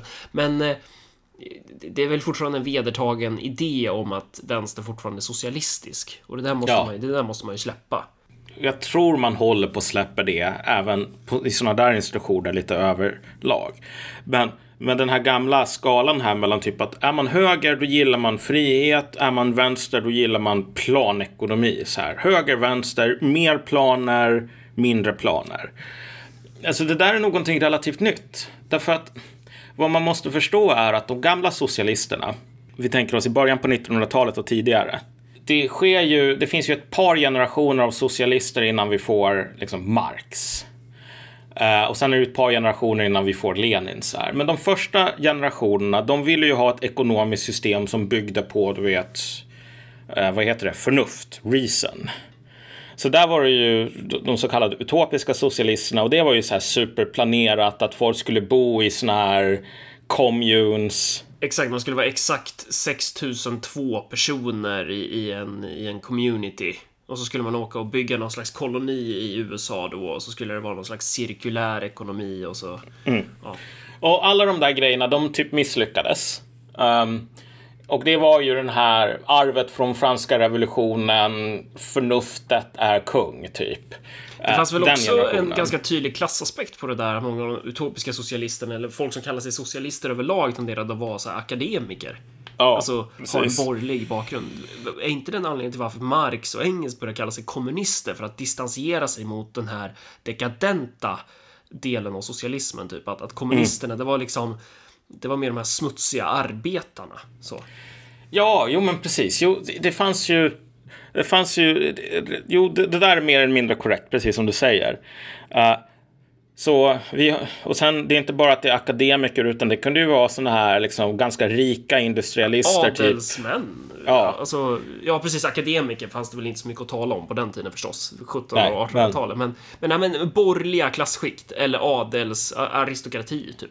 Ja, precis. Inklusive vissa ganska framgångsrika kapitalister som bara tänkte att, ja men vet du vad, kapitalismen det är ju ett rationellt system, så socialismen det är ju kapitalismen fast ännu mer rationellt sådär. Mm.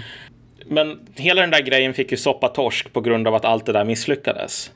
Så det som kommer efteråt här, efter de, de utopiska eller de förnuftstyrda socialisterna, det är ju eh, den här så kallade vetenskapliga marxismen. Och, Vetenskapliga socialism. Ja, precis. Mark, mm. i, I Marx um, liksom spår. Mm. Vad den definieras av är mycket mindre av att, ja men vet du vad, vi har en plan. Utan det här, vad som är motorn i den världssynen är så här att vi, vi går igenom olika historiska stadier. Där, och vi tänker oss den här uttryckssättet, diktatur, proletariatets diktatur. Mm. Um, det låter ju jättehemskt. Liksom, ja, vet du vad, här har vi liksom Saddam Hussein som sitter. Men, men vad proletariatets diktatur betydde var ju så här att först hade vi, vi börjar med adelns diktatur, det vill säga att det är adelns värderingar och allting sådant som bestämmer mm. i samhället. Och den adelns diktatur i termer av om det här är en diktatur eller inte. Det är ju ingen, oftast inte en riktig diktatur, utan det kan ju vara sådana här samhällen som inte ens behöver monarkier. Ja, men det kan vara ståndsriksdag, det kan ju vara ja Alltså, och, och, och, borgerlig diktatur, det är ju det är borgerlig klassmakt. Det är ju det som är det viktiga ja. att förstå med det, med det begreppet. Att det avser ju inte ett motsatsförhållande gentemot demokratiskt statsskick. Utan Exakt. det handlar ju om, om vilken klass är det som har makten i slutändan. Så det man måste förstå här är att det finns liksom en, en sån här föreställning om en historisk progression i olika stadier. Där när en klass bestämmer, då, då ordnar sig samhället och samhällets institutioner utefter vad den här klassen, dess intressen och så vidare. Så den adliga diktaturen, det kan vara typ Sparta. Eller så kan det vara eh, England på 1400-talet som ser ut väldigt olika varandra. Men det är fortfarande massor med adelsmän som, som bygger samhället ut efter sina egna preferenser. Och bönderna de får hålla käften och jobba. Vad den här historiesynen ledde till var ju att man tänkte att när väl vi kommer till proletariatets diktatur, det vill säga nästa fas när det är arbetarklassen som så att säga är de som bestämmer. Den fasen man innan Sovjetunionen kallade för kommunismens lägre stadium, men som man efter Sovjetunionen började kalla för socialismen. Man hade aldrig några sådana här stora planer på så här ska ekonomin se ut och så här många kvadratmeter ska folk bo på, bla bla bla. För man bara sa att det där kommer att sköta sig själv, leave it to beaver.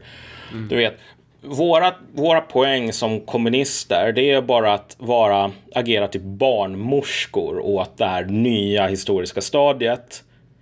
Och när väl det revolutionen är avklarad, då så här, vi kan sitta på stranden och dricka piña coladas, vårt jobb är gjort och ekonomin kommer typ att bygga sig själv. Ja, just det. Ja. Uh, och sen så bara insåg man att oj, shit, ekonomin bygger inte sig själv. Nej, och inte bara vi... oj, ekonomin bygger inte sig själva. Hela Ryssland är bara lervälling och blod. Det är ja. fem år av inbördeskrig. Man har blivit invaderad av typ ja, varenda industrialiserad stat som typ finns. Eh, ja. Och nu är man i full färd med att ha ihjäl varandra inom partiet. Ja. Och utifrån de förutsättningarna ska man då bygga någon form av ekonomi här. Exakt, så, så man går igenom så lite olika stadier. Man börjar på den här uh, wartime communism under inbördeskriget. Sen går man över till den nya ekonomiska modellen och då får jättemånga människor så här akut politisk depression och tar livet av sig. Därför att de, de kunde köpa under ett brinnande inbördeskrig att så här, okej, okay, vet du vad? Nu måste vi ändå styra det här planet. Mm. och hålla på och göra sådana här tråkiga ekonomiska grejer och rekvirera veto och allting sådant. Men när inbördeskriget är över, då kommer planet att börja styra sig själv och så kommer vi få liksom, nya historiska stadiet, bla bla bla. Och sen så kommer inte det. Så det sker en massiv politisk desillusionering. Och sen över tid så går man då över till att så här, det som är bra med kommunism, det är att vi har de här rationella, matematiska, planerade samhällena. Mm. Men om det du blir till... efterhandskonstruktionen då? Ja, exakt. Det är verkligen det här att man gör en dygd av nödvändigheten, typ. Eller att man säger surt sa räven om rönnbären på något plan. Um, men vad det här leder till under kalla kriget är ju också att man, man börjar definiera sig mot kapitalismen då just för att vi håller på och planerar medan här är det bara kaos. Vilket också leder till att i USA så måste man börja definiera sig så här, i, i Sovjetunionen då håller de på och skryter om hur mycket de planerar saker och det är vi emot. Så därför måste vi vara emot det. Ja, precis. Vi är emot Sovjetunionen, därför måste vi vara emot planering. Och den där kalla kriget-logiken, den ligger ju i fortfarande. På typ 20-talet eller 30-talet eller när det nu var. På den här tiden där allting höll på att koka politiskt. Det var ju en tid som liknar den tiden vi går in mot nu med stormsteg. Men så jag fick höra från en polare att man var ju tvungen jag vet inte om de hade bytt namn från Allmänna valmansförbundet då, men alltså det, det, Moderaterna idag då. De var ju tvungna att utesluta sitt ungdomsförbund för att de var för radikala.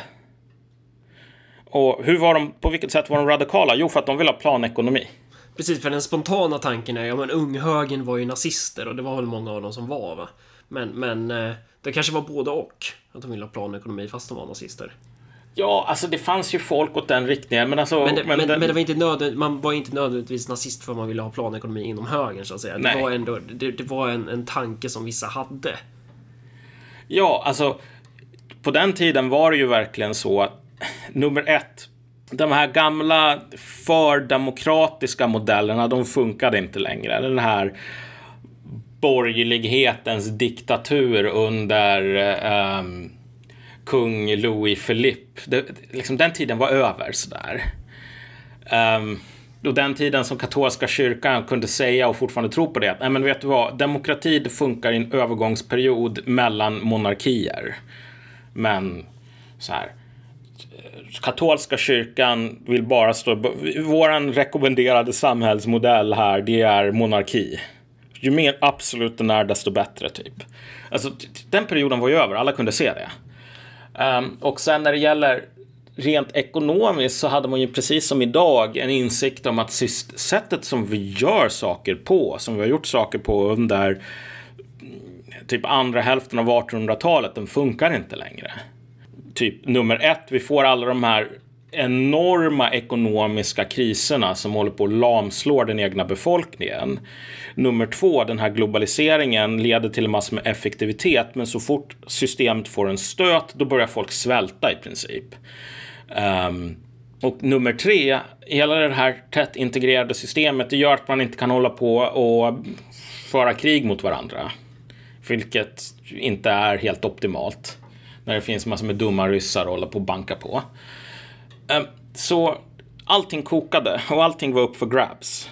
Så i den tiden, liksom så här, kritik av det demokratiska systemet, det var fine. Det fanns det folk både på höger och vänsterkanten som var inne på. Kritik av marknaden lika så. Så det är ju det är ganska naturligt att du kan få folk på högen som säger så här, vet du vad, planekonomi, det är fan en ganska bra grej, för då kan vi ta det som funkar skitbra med typ kapitalismen och skruva upp den. Jo, men det är därför man behöver skrota begreppen vänster och höger. Ja. Alltså, vi har ju de begreppen. Det är mer bara som så här fåror som, som byter innehåll. Man får ju se till innehållet. Men... Eh, ja. ja. För att sammanfatta så, det, det, det kommer att... Så här, det, det, kan bli ganska stora skiften i svensk politik om allt vill sig väl. Ja, inte bara i eh, svensk att, politik. Nej, i världspolitiken överlag. Men att de här personerna som håller fast vid den gamla kartan och den gamla tidens politiska motsättningar, de ja, det finns väl ingen annan plats för dem än på historiens soptipp egentligen. Ja, exakt. Alltså, som sagt, de, de som kommer att vara först med att avveckla den här gamla kartan. Jag tror att om vi tänker oss här vänstern och socialliberaler. De är ju så här desperat. De måste ha ett system där det är så att det finns en vänster som lovar mer glasögonbidrag och så finns det en höger som lovar mer avregleringar. Därför att de är ju, de är ju verkligen motsatsen till så här, den här, det som Marx kallade för heroiska klasser, de som bär historien framåt. Det här är ju reaktionärer. Medan, ta bara typ situationen i USA just nu. Där är det så att Demokraterna, när de föreslår så här åtgärder mot krisen, då är det så här, du kan få typ eh, skatte, liksom rabatter eller du kan få ett lån med eh, medellåg ränta. Medan från Trump, då är det så här, visst, då de förslagen de vattnas ju ner över tid, men det är så här. Eh, första budet är typ här, du får typ 2000 dollar. Måste jag göra någonting för det? Bara, nej, ta de här pengarna. Här. Money, you take. Uh, så att vi har ett läge där efter att Bernie Sanders nu har blivit blown the fuck out. Att han kommer ju gå upp och typ kandidera eller liksom hålla på kampanja för Joe Biden. Så att, ja, ja, för att Sanders är en kack, det är bara så det är. Så Sanders kommer att gå upp där, den här socialisten från New York och bara vet du vad, vi måste stoppa Trump. för att Trump är ond. Och Trump är den som säger så här, ja vet du vad, här, du får pengar. Medan Joe Biden är den som säger, vet du vad, vi kan inte ge fattiga, otvättade människor pengar. Hur skulle det se ut så här? Tänk på budgeten.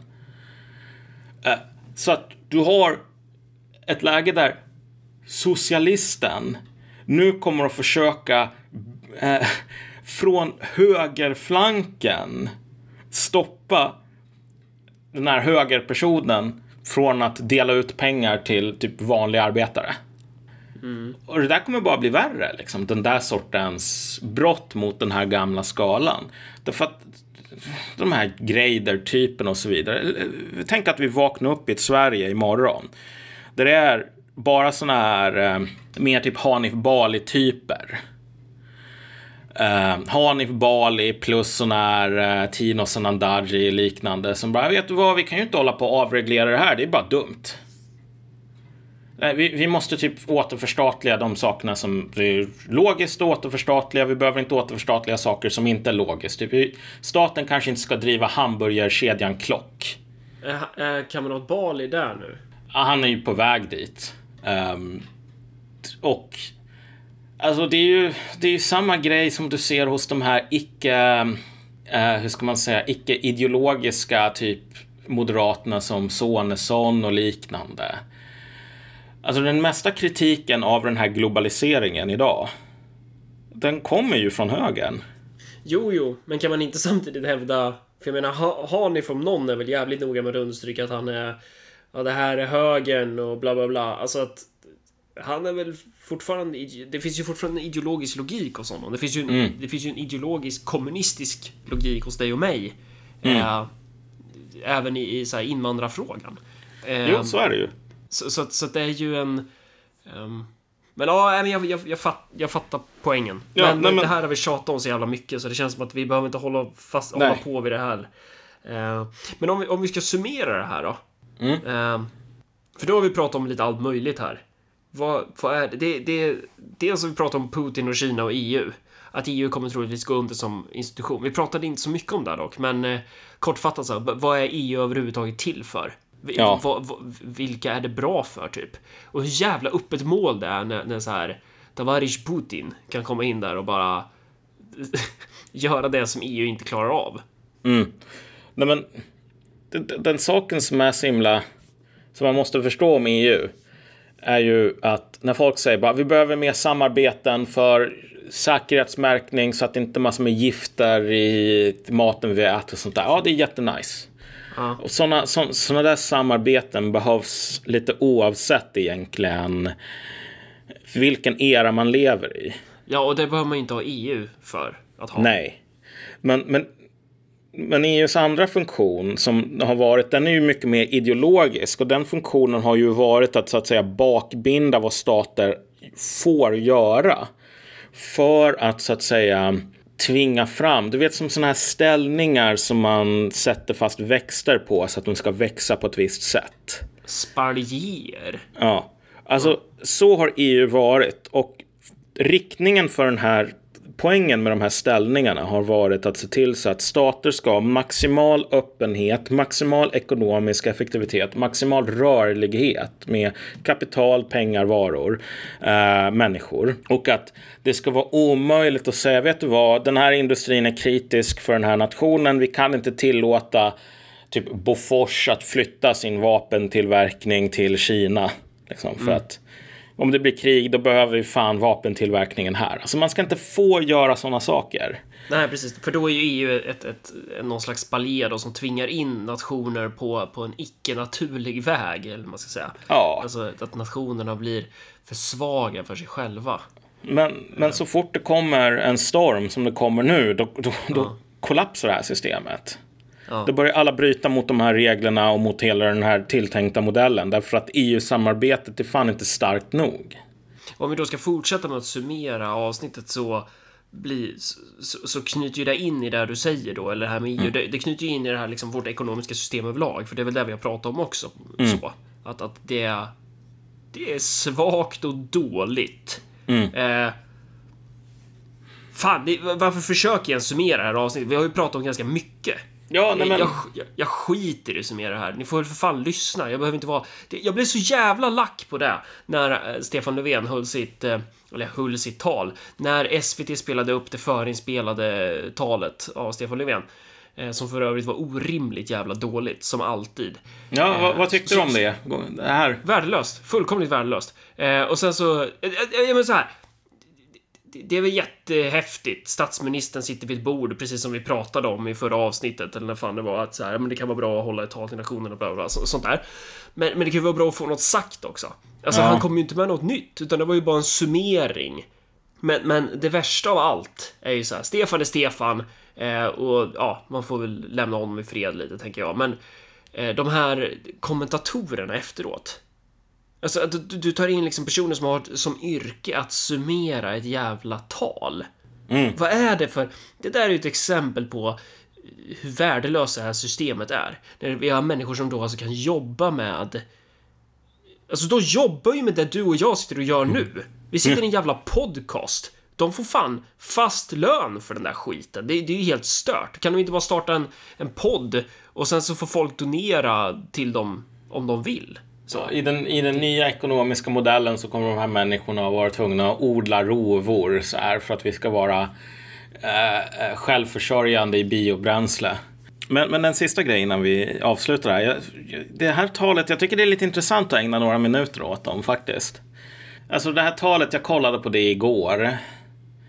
Och precis som du säger, det är ju inte att det är någonting nytt som, som sägs.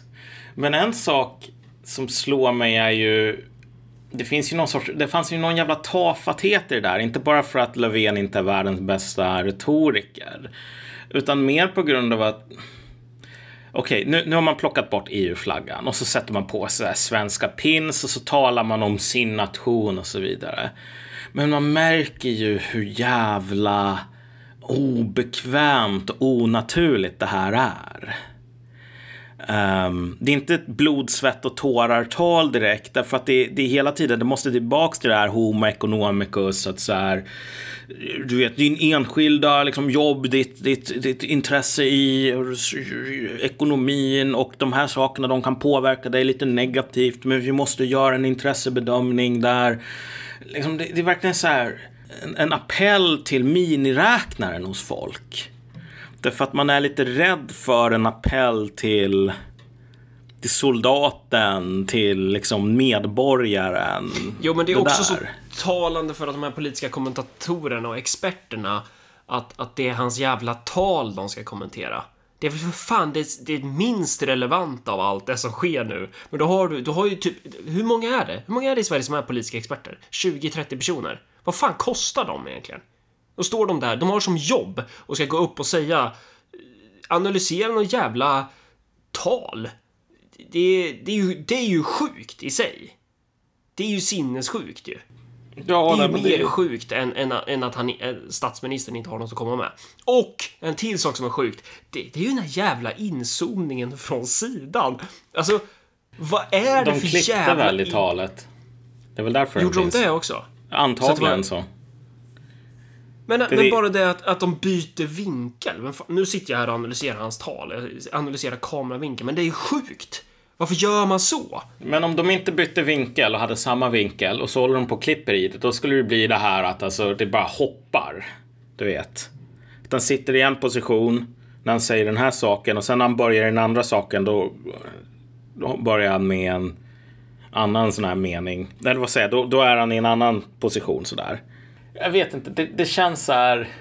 Okej, okay, nu ska vi ha nationell gemenskap, men vi ska inte använda de begreppen och vi ska inte ha för mycket av den varan, för då blir det farligt och nationalistiskt så här.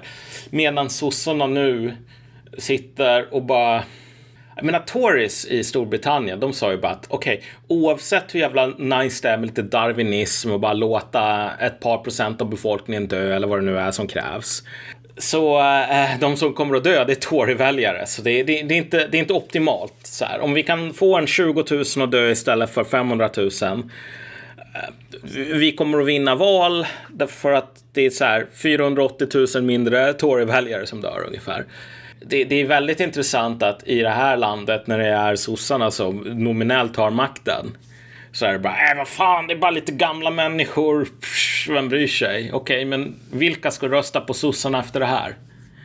Vi får väl typ öppna gränserna helt enkelt och bara importera en två miljoner människor till och ha någon sån här maskinpolitik så att vi har eh, 400 000 sosseväljare liksom som går ut på det.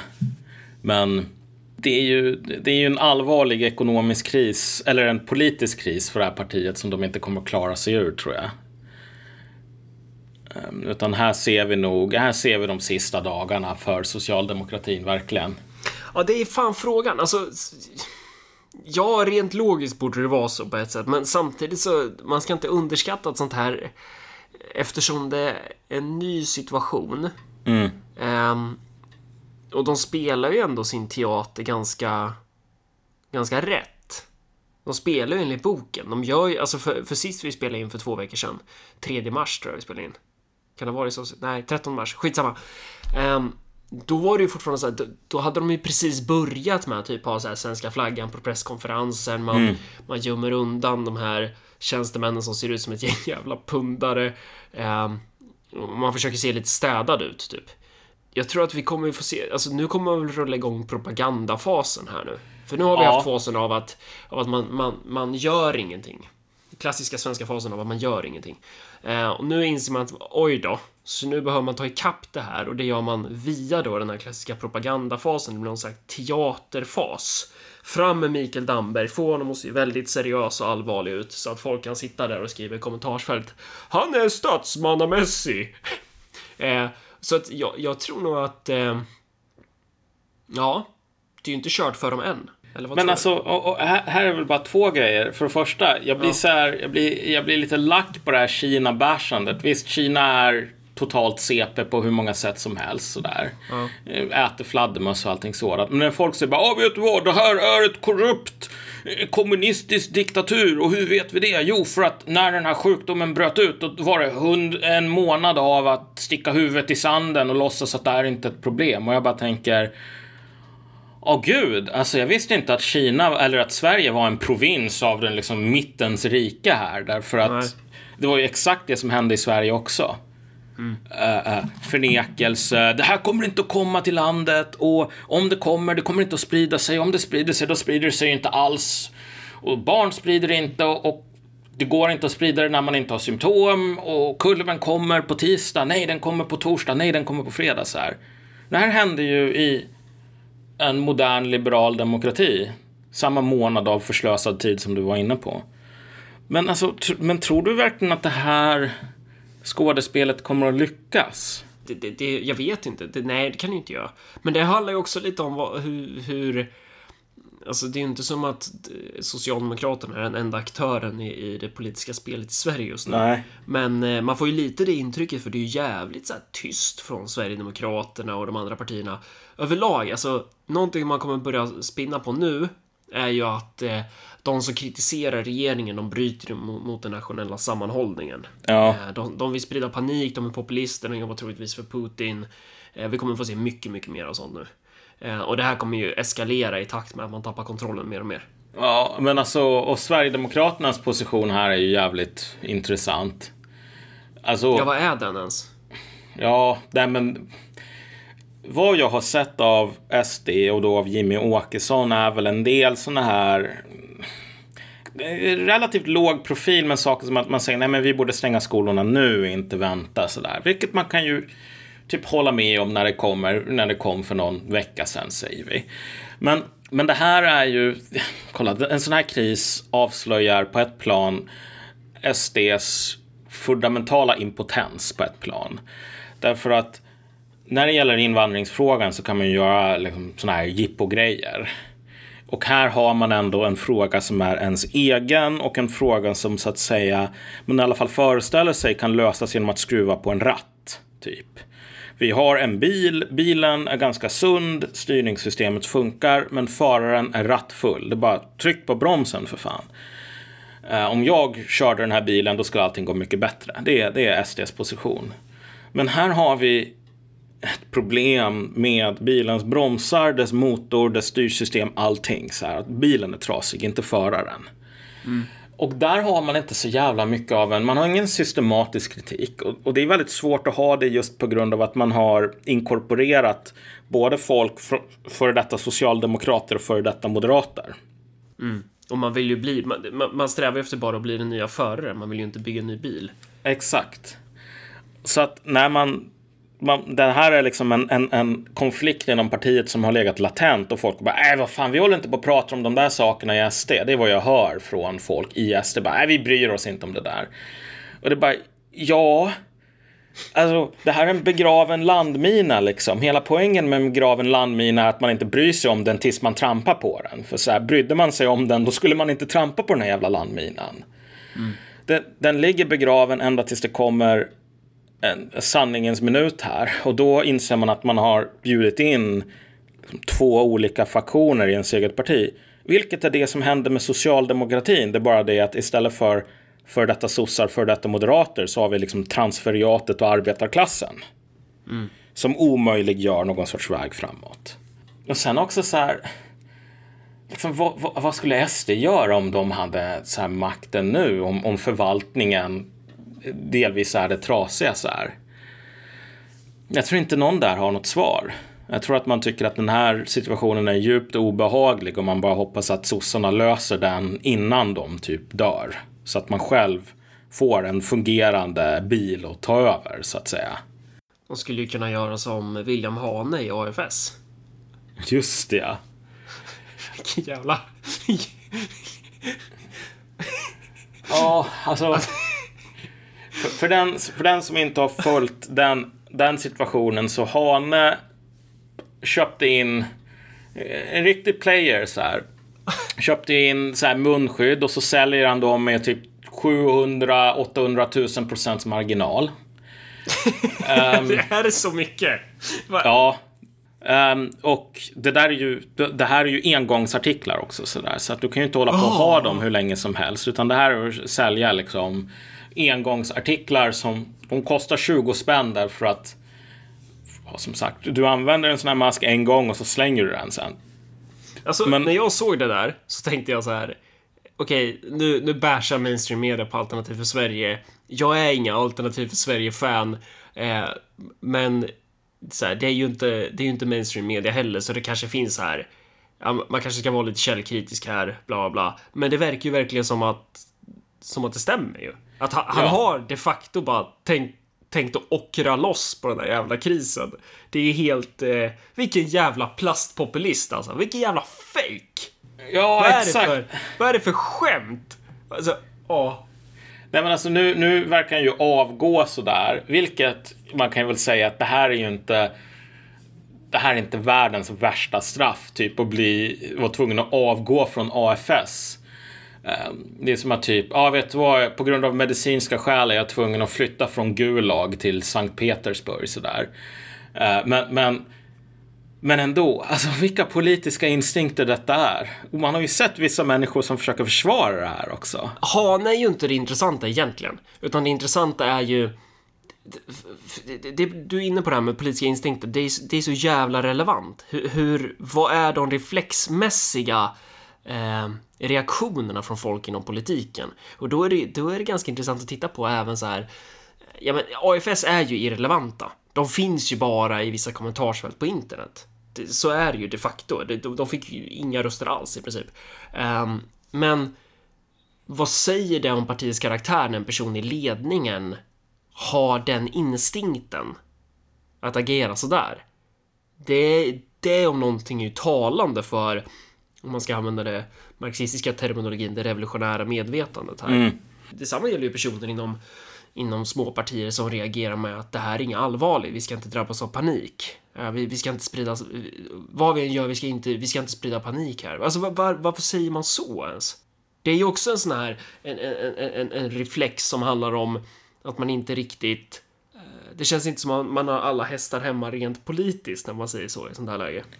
Nej, alltså för det första är det ju någonting, man antar det som behöver bevisas, vilket är att pöbeln är helt jävla dum i huvudet sådär.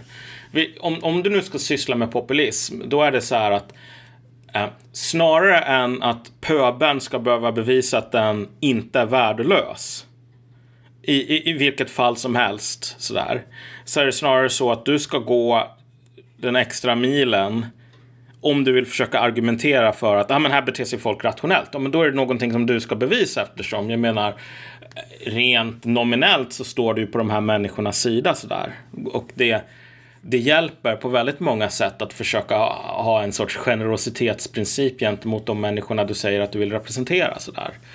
Men, men rent konkret, alltså visst AFS som parti, de är inte, de är inte så himla signifikanta, men på ett plan, de här småpartierna för mig är väldigt fortfarande någonting som man ska följa just för att de är en sorts petriskålar som visar på liksom större tendenser. Om du tänker dig typ med till exempel, som idag lever en borttynande existens. Jag menar, med känns som en sån här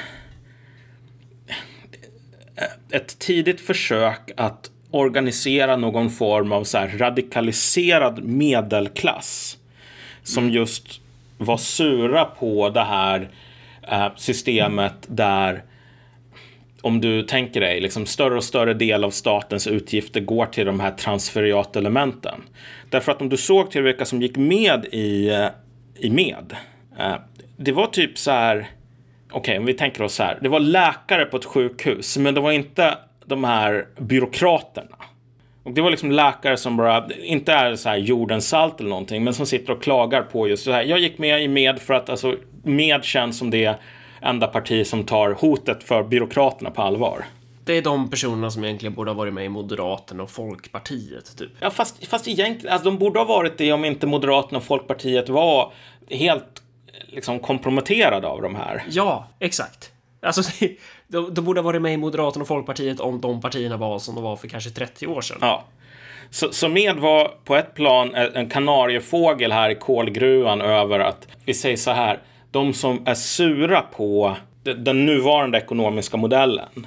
Mm. Det, det, är ett, det är liksom flera olika lager här. Det finns de på botten, den så kallade globaliseringens förlorare, men sen också delar av den produktiva ekonomin som tjänar ganska bra och har det ganska bra, men som ser hur de måste jobba hårdare och hårdare för att underhålla alla de här parasitära elementen. Och det finns parasitära elementen på botten, så här bidragsfuskare, men sen så finns det organiserade parasitära element som typ eh, Almega till exempel. Men AFS är intressant av en annan anledning här och de visar ju på ett plan hur man är fortfarande fast i det här väldigt mycket höger... Det de saknar är ju den här mentaliteten som hardcore-spelare i World of Warcraft har, som, som sätter laget före jaget. Den här, alltså när, när man säljer, när man, när man försöker profitera på jävla skyddsmasker i tider av kris, alltså då är man ju, då sätter man ju jaget före laget snarare. Ja. Då är man ju, man är ju bara där för att, för att loot-hora. Man är ju inte där, man, man, man drar ingen glädje i att det går bra för raiden då. Så. Exakt men det finns, det finns en annan aspekt här också som, du vet Jurassic Park, den filmen. Det, de går ju på den här guidade turen där de får kolla på den här DNA-strängen Mr DNA som förklarar hur de tog fram de här dinosaurierna. Och liksom i det universumet så finns det så här myggor som hade blod från dinosaurier som du vet bevarats i 65 miljoner år. Men DNA var ju inte 100% så här komplett därför att det hade skett viss liksom eh, nedgång, eh, bortfall sådär. Så att de har en DNA-sträng och så är det massor med hål i den.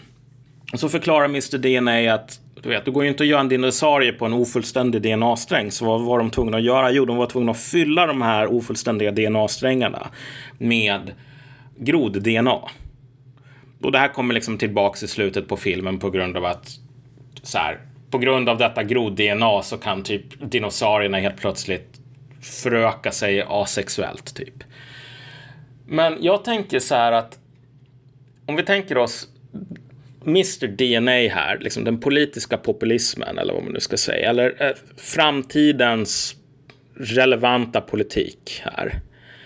AFS har någon sorts DNA-sträng på någonting som de vill göra som ingen har gjort tidigare. Men så fort det blir massor med luckor då man inte vet vad man ska göra, då faller man tillbaks på den här väldigt subkulturella höger eh, liksom miljön. Mm. Och där finns det jävligt mycket så här libertarianer och om du tänker dig så här Hane och Kasselstrand specifikt i liksom deras framtoning. Förut så var det mycket så här. Jag har 1,9 på högskoleprovet. Jag har ett geni. Jag har, jag, jag tror på typ ett samhälle där de starka ska liksom gå först i täten typ. Och så kollar man på 300 och bara fan det här är så jävla nice.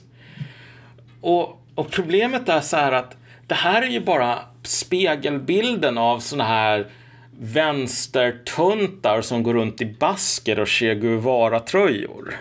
Mm. Alltså att man är så himla fast i, i de här gamla liksom, turnéspel, live, subkultur, avvägandena sådär. För, för varför är det ett problem att man säljer sådana här munskydd? Jo, därför att vad folk vill ha idag är inte eh, vad, vad en del libertarianer föreställer sig. Att de vill ha typ, jag vill ha maximal eh, chans att kunna hålla på och stjäla pengar från andra. Och det ska vara djungelns lag. Och om jag köper upp alla skyddsmasker i Sverige och säljer dem, då har jag agerat som en självintresserad marknadsaktör. Och jag vill att staten ska försvinna så att det är liksom hela havet stormar. Vad folk vill ha är ju en återkomst av ett samhälle. Mm.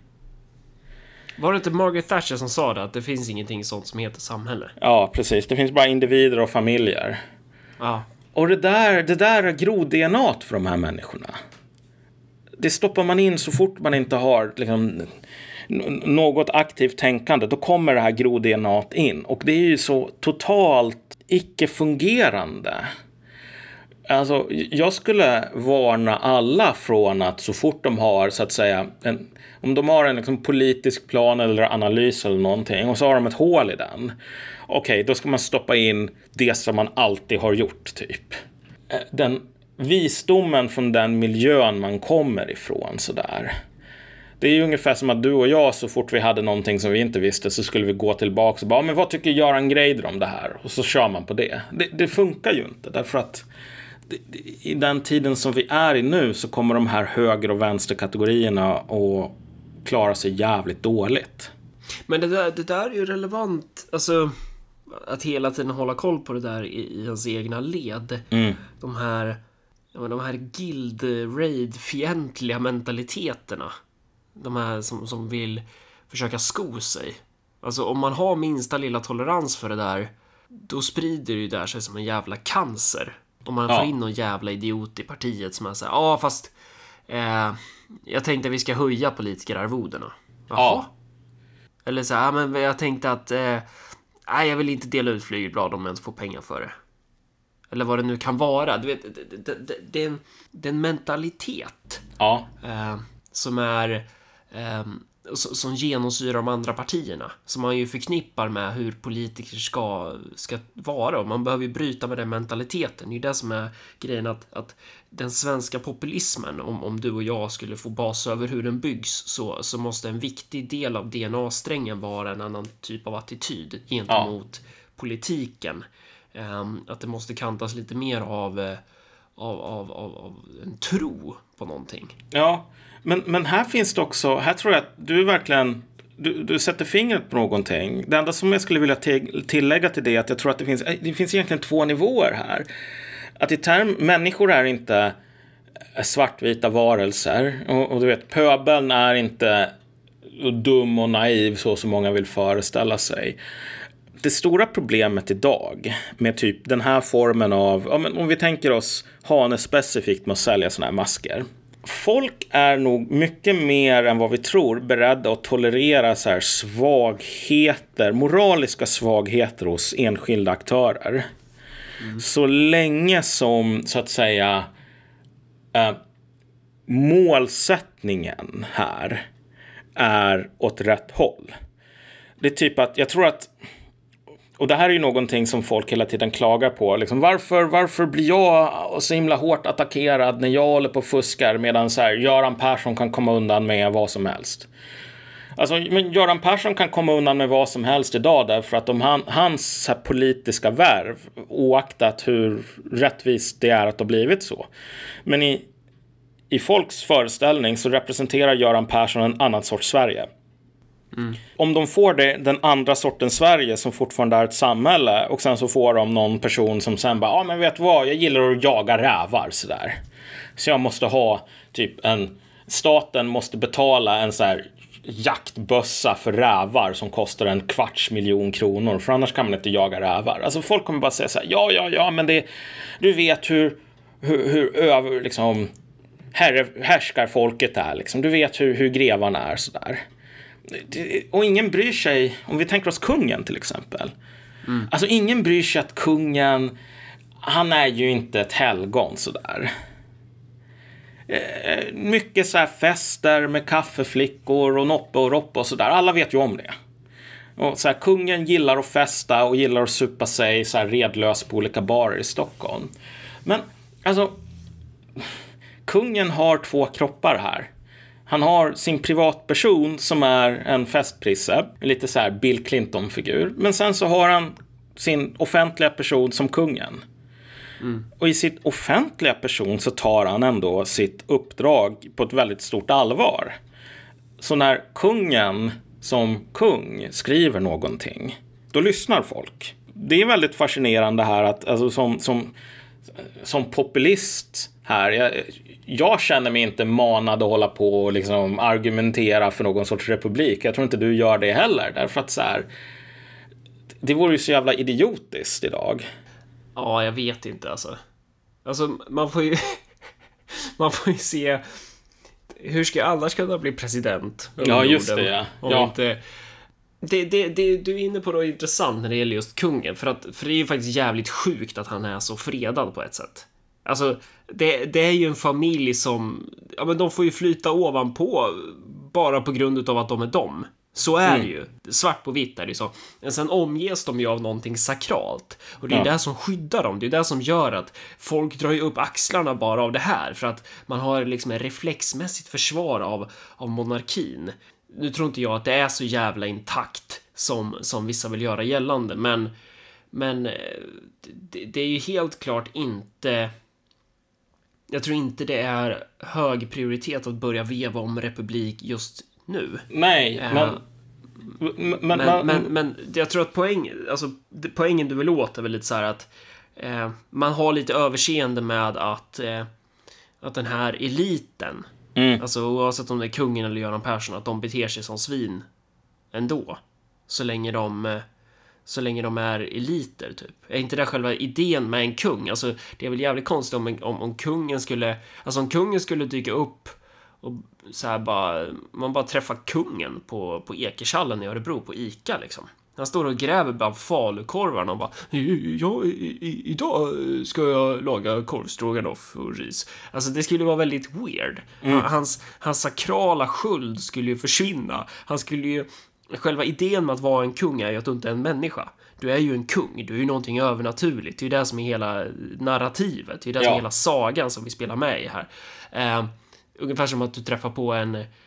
Du träffar på en jävla ors inne på ICA som står och, och frågar personalen om vilken marmelad som är bäst. Det är så här, det är overkligt. Mm. Eller, eller, det är ett dåligt exempel, men, men vi vet att en kung ska bete sig som en kung. Exakt. Men om, om, om en vanlig dödlig då, då börjar bete sig alltså bryter mot, mot den här moralen som vi har internaliserat som folk, um, då gäller ju andra regler för att, för att en vanlig dödlig ska ju bete sig.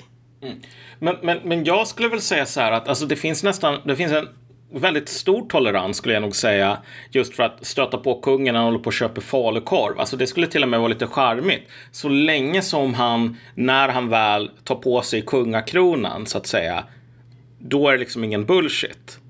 Eh, på samma sätt som det finns ganska stor tolerans för att hålla på och festa och sådär. Men jag tar upp kungen som ett exempel för att vi har lite grann av ett motsatsen sker ju just nu i Storbritannien. När, vad heter den? Prins Harry och hans... De är ju så här super woke. Och har, har sagt så här, ja vet vad, det är så himla förlegat det här med att man ska hålla på och representera och sånt där. Så vi tänkte flytta till Kanada, men vi vill behålla apanaget. Ja, just det. Mm. Och då är det liksom så här att det här har du människor som säger bara, vet du vad? Tänk inte på den här, liksom, den, den sakrala rollen, det, det, det heliga här, liksom, det, det stora. Som vi betalar för. Ja, utan tänk bara, vi, vi är bara personer, precis som du och jag, men nu lyckas vi ha en jävla hållhake, en sugsnabel, så att vi kan leva massor med pengar. Och det finns typ ingen, alltså folk blir ju superarga på det. De hatar ju det. Um, därför ja, stackars att, britter och deras kung. Det där ja. är ju viktigt för dem.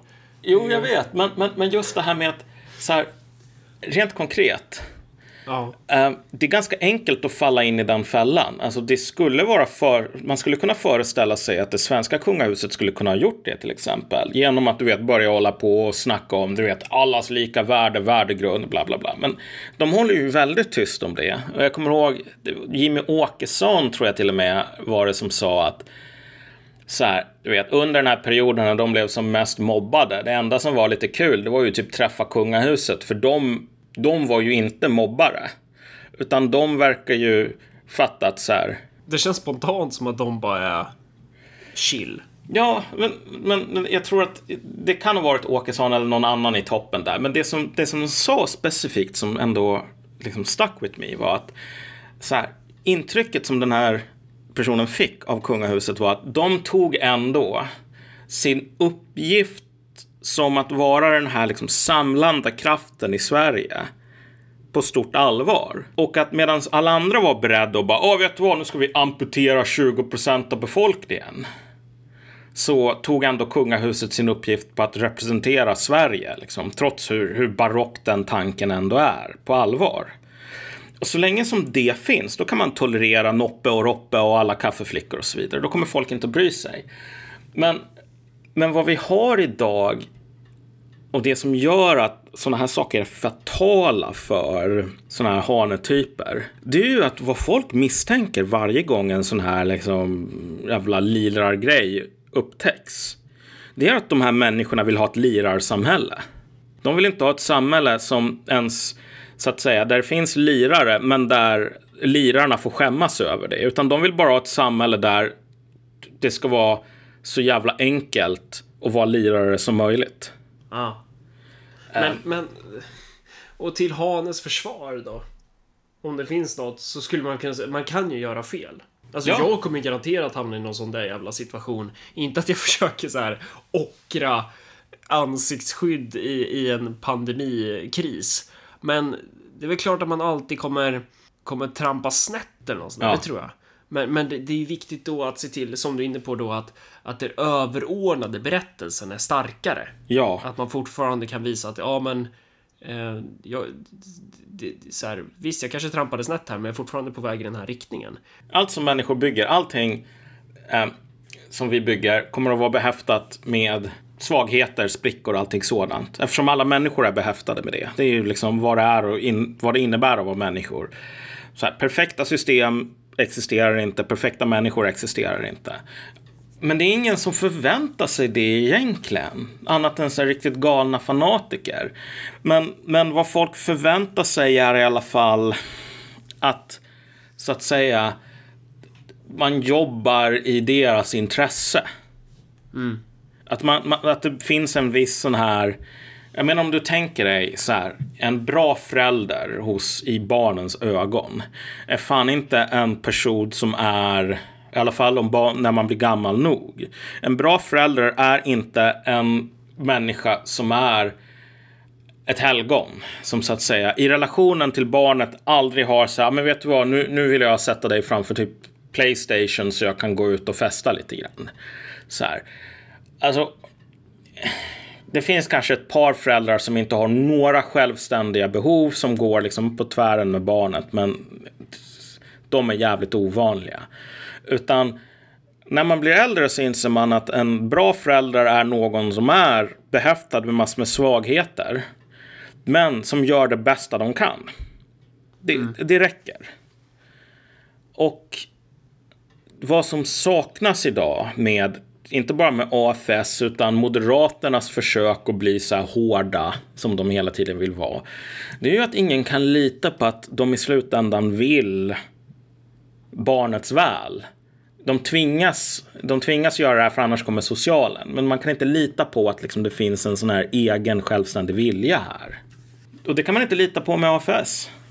För, för det stämmer ju. Alltså en, en förälder som, som försöker men som inte når ända fram har ju ändå försökt. Ja. Det, fi, det finns ett, en mentalitet, det finns en attityd där. Någonting som driver. Och man kan ju inte kritisera en människa för att inte älska sina barn, typ så. Men, men en person som har möjligheten eh, att jobba för sina barn, men inte mm. gör det, det är ju en annan femma. Mm. Ja, men exakt. Och det där, alltså som sagt, man kommer alltid att begå misstag, men om det inte finns en sån här grundläggande förtroende som man fan måste bygga upp, då är varje misstag eh, fatalt. Medans um, en person som liksom har en viss um, förtroendeingivande förmåga här och inte bara för att han lurar folk utan för att han är, faktiskt står på vanliga människors sida. Um, där kommer toleransen för olika misstag, snedsteg, liksom, brister, den kommer att vara mycket högre. Medans, och det är samma sak med olika kungahus. Jag tror att det svenska kungahuset kommer att klara sig jävligt bra just för att de aldrig har försökt att kliva ifrån liksom, eller offentligt markera avstånd till sin roll som inte direkt politiska figurer utan en samlande kraft. Okej, okay, fine, då finns det en jävla högre tolerans här. Tror du det där blir, blir nästa kort i rockärmen från regeringen nu? Att man, att man ska knuffa fram kungen? Ska han stå och hålla ett, ett tal till nationen? Alltså, kungen, om han är smart så kommer han att tacka nej till det. För annars så kommer han bara att binda fast sig vid masten på ett sjunkande skepp som är socialdemokratin. Det är så här. Men vad fan. Eh, ja, men nu har, vi, nu har vi pratat i två timmar och tolv yeah. minuter. Min flickvän bröt ju foten i, i, i Kläppen vecka sex tror jag det var. Så att eh, hon ligger ju här då med ett gips fortfarande. För hon är ju sjukskriven. Eh, så nu var det tvungen att ligga tyst nu i andra rummet medan vi poddar. Ja, ja men du, nu, nu sätter vi stopp helt enkelt. Ja, vi, vi, vi får se hur många avsnitt det blir av det. Men eh, ja, ha det bra så hörs vi. Ja, hej. Hej.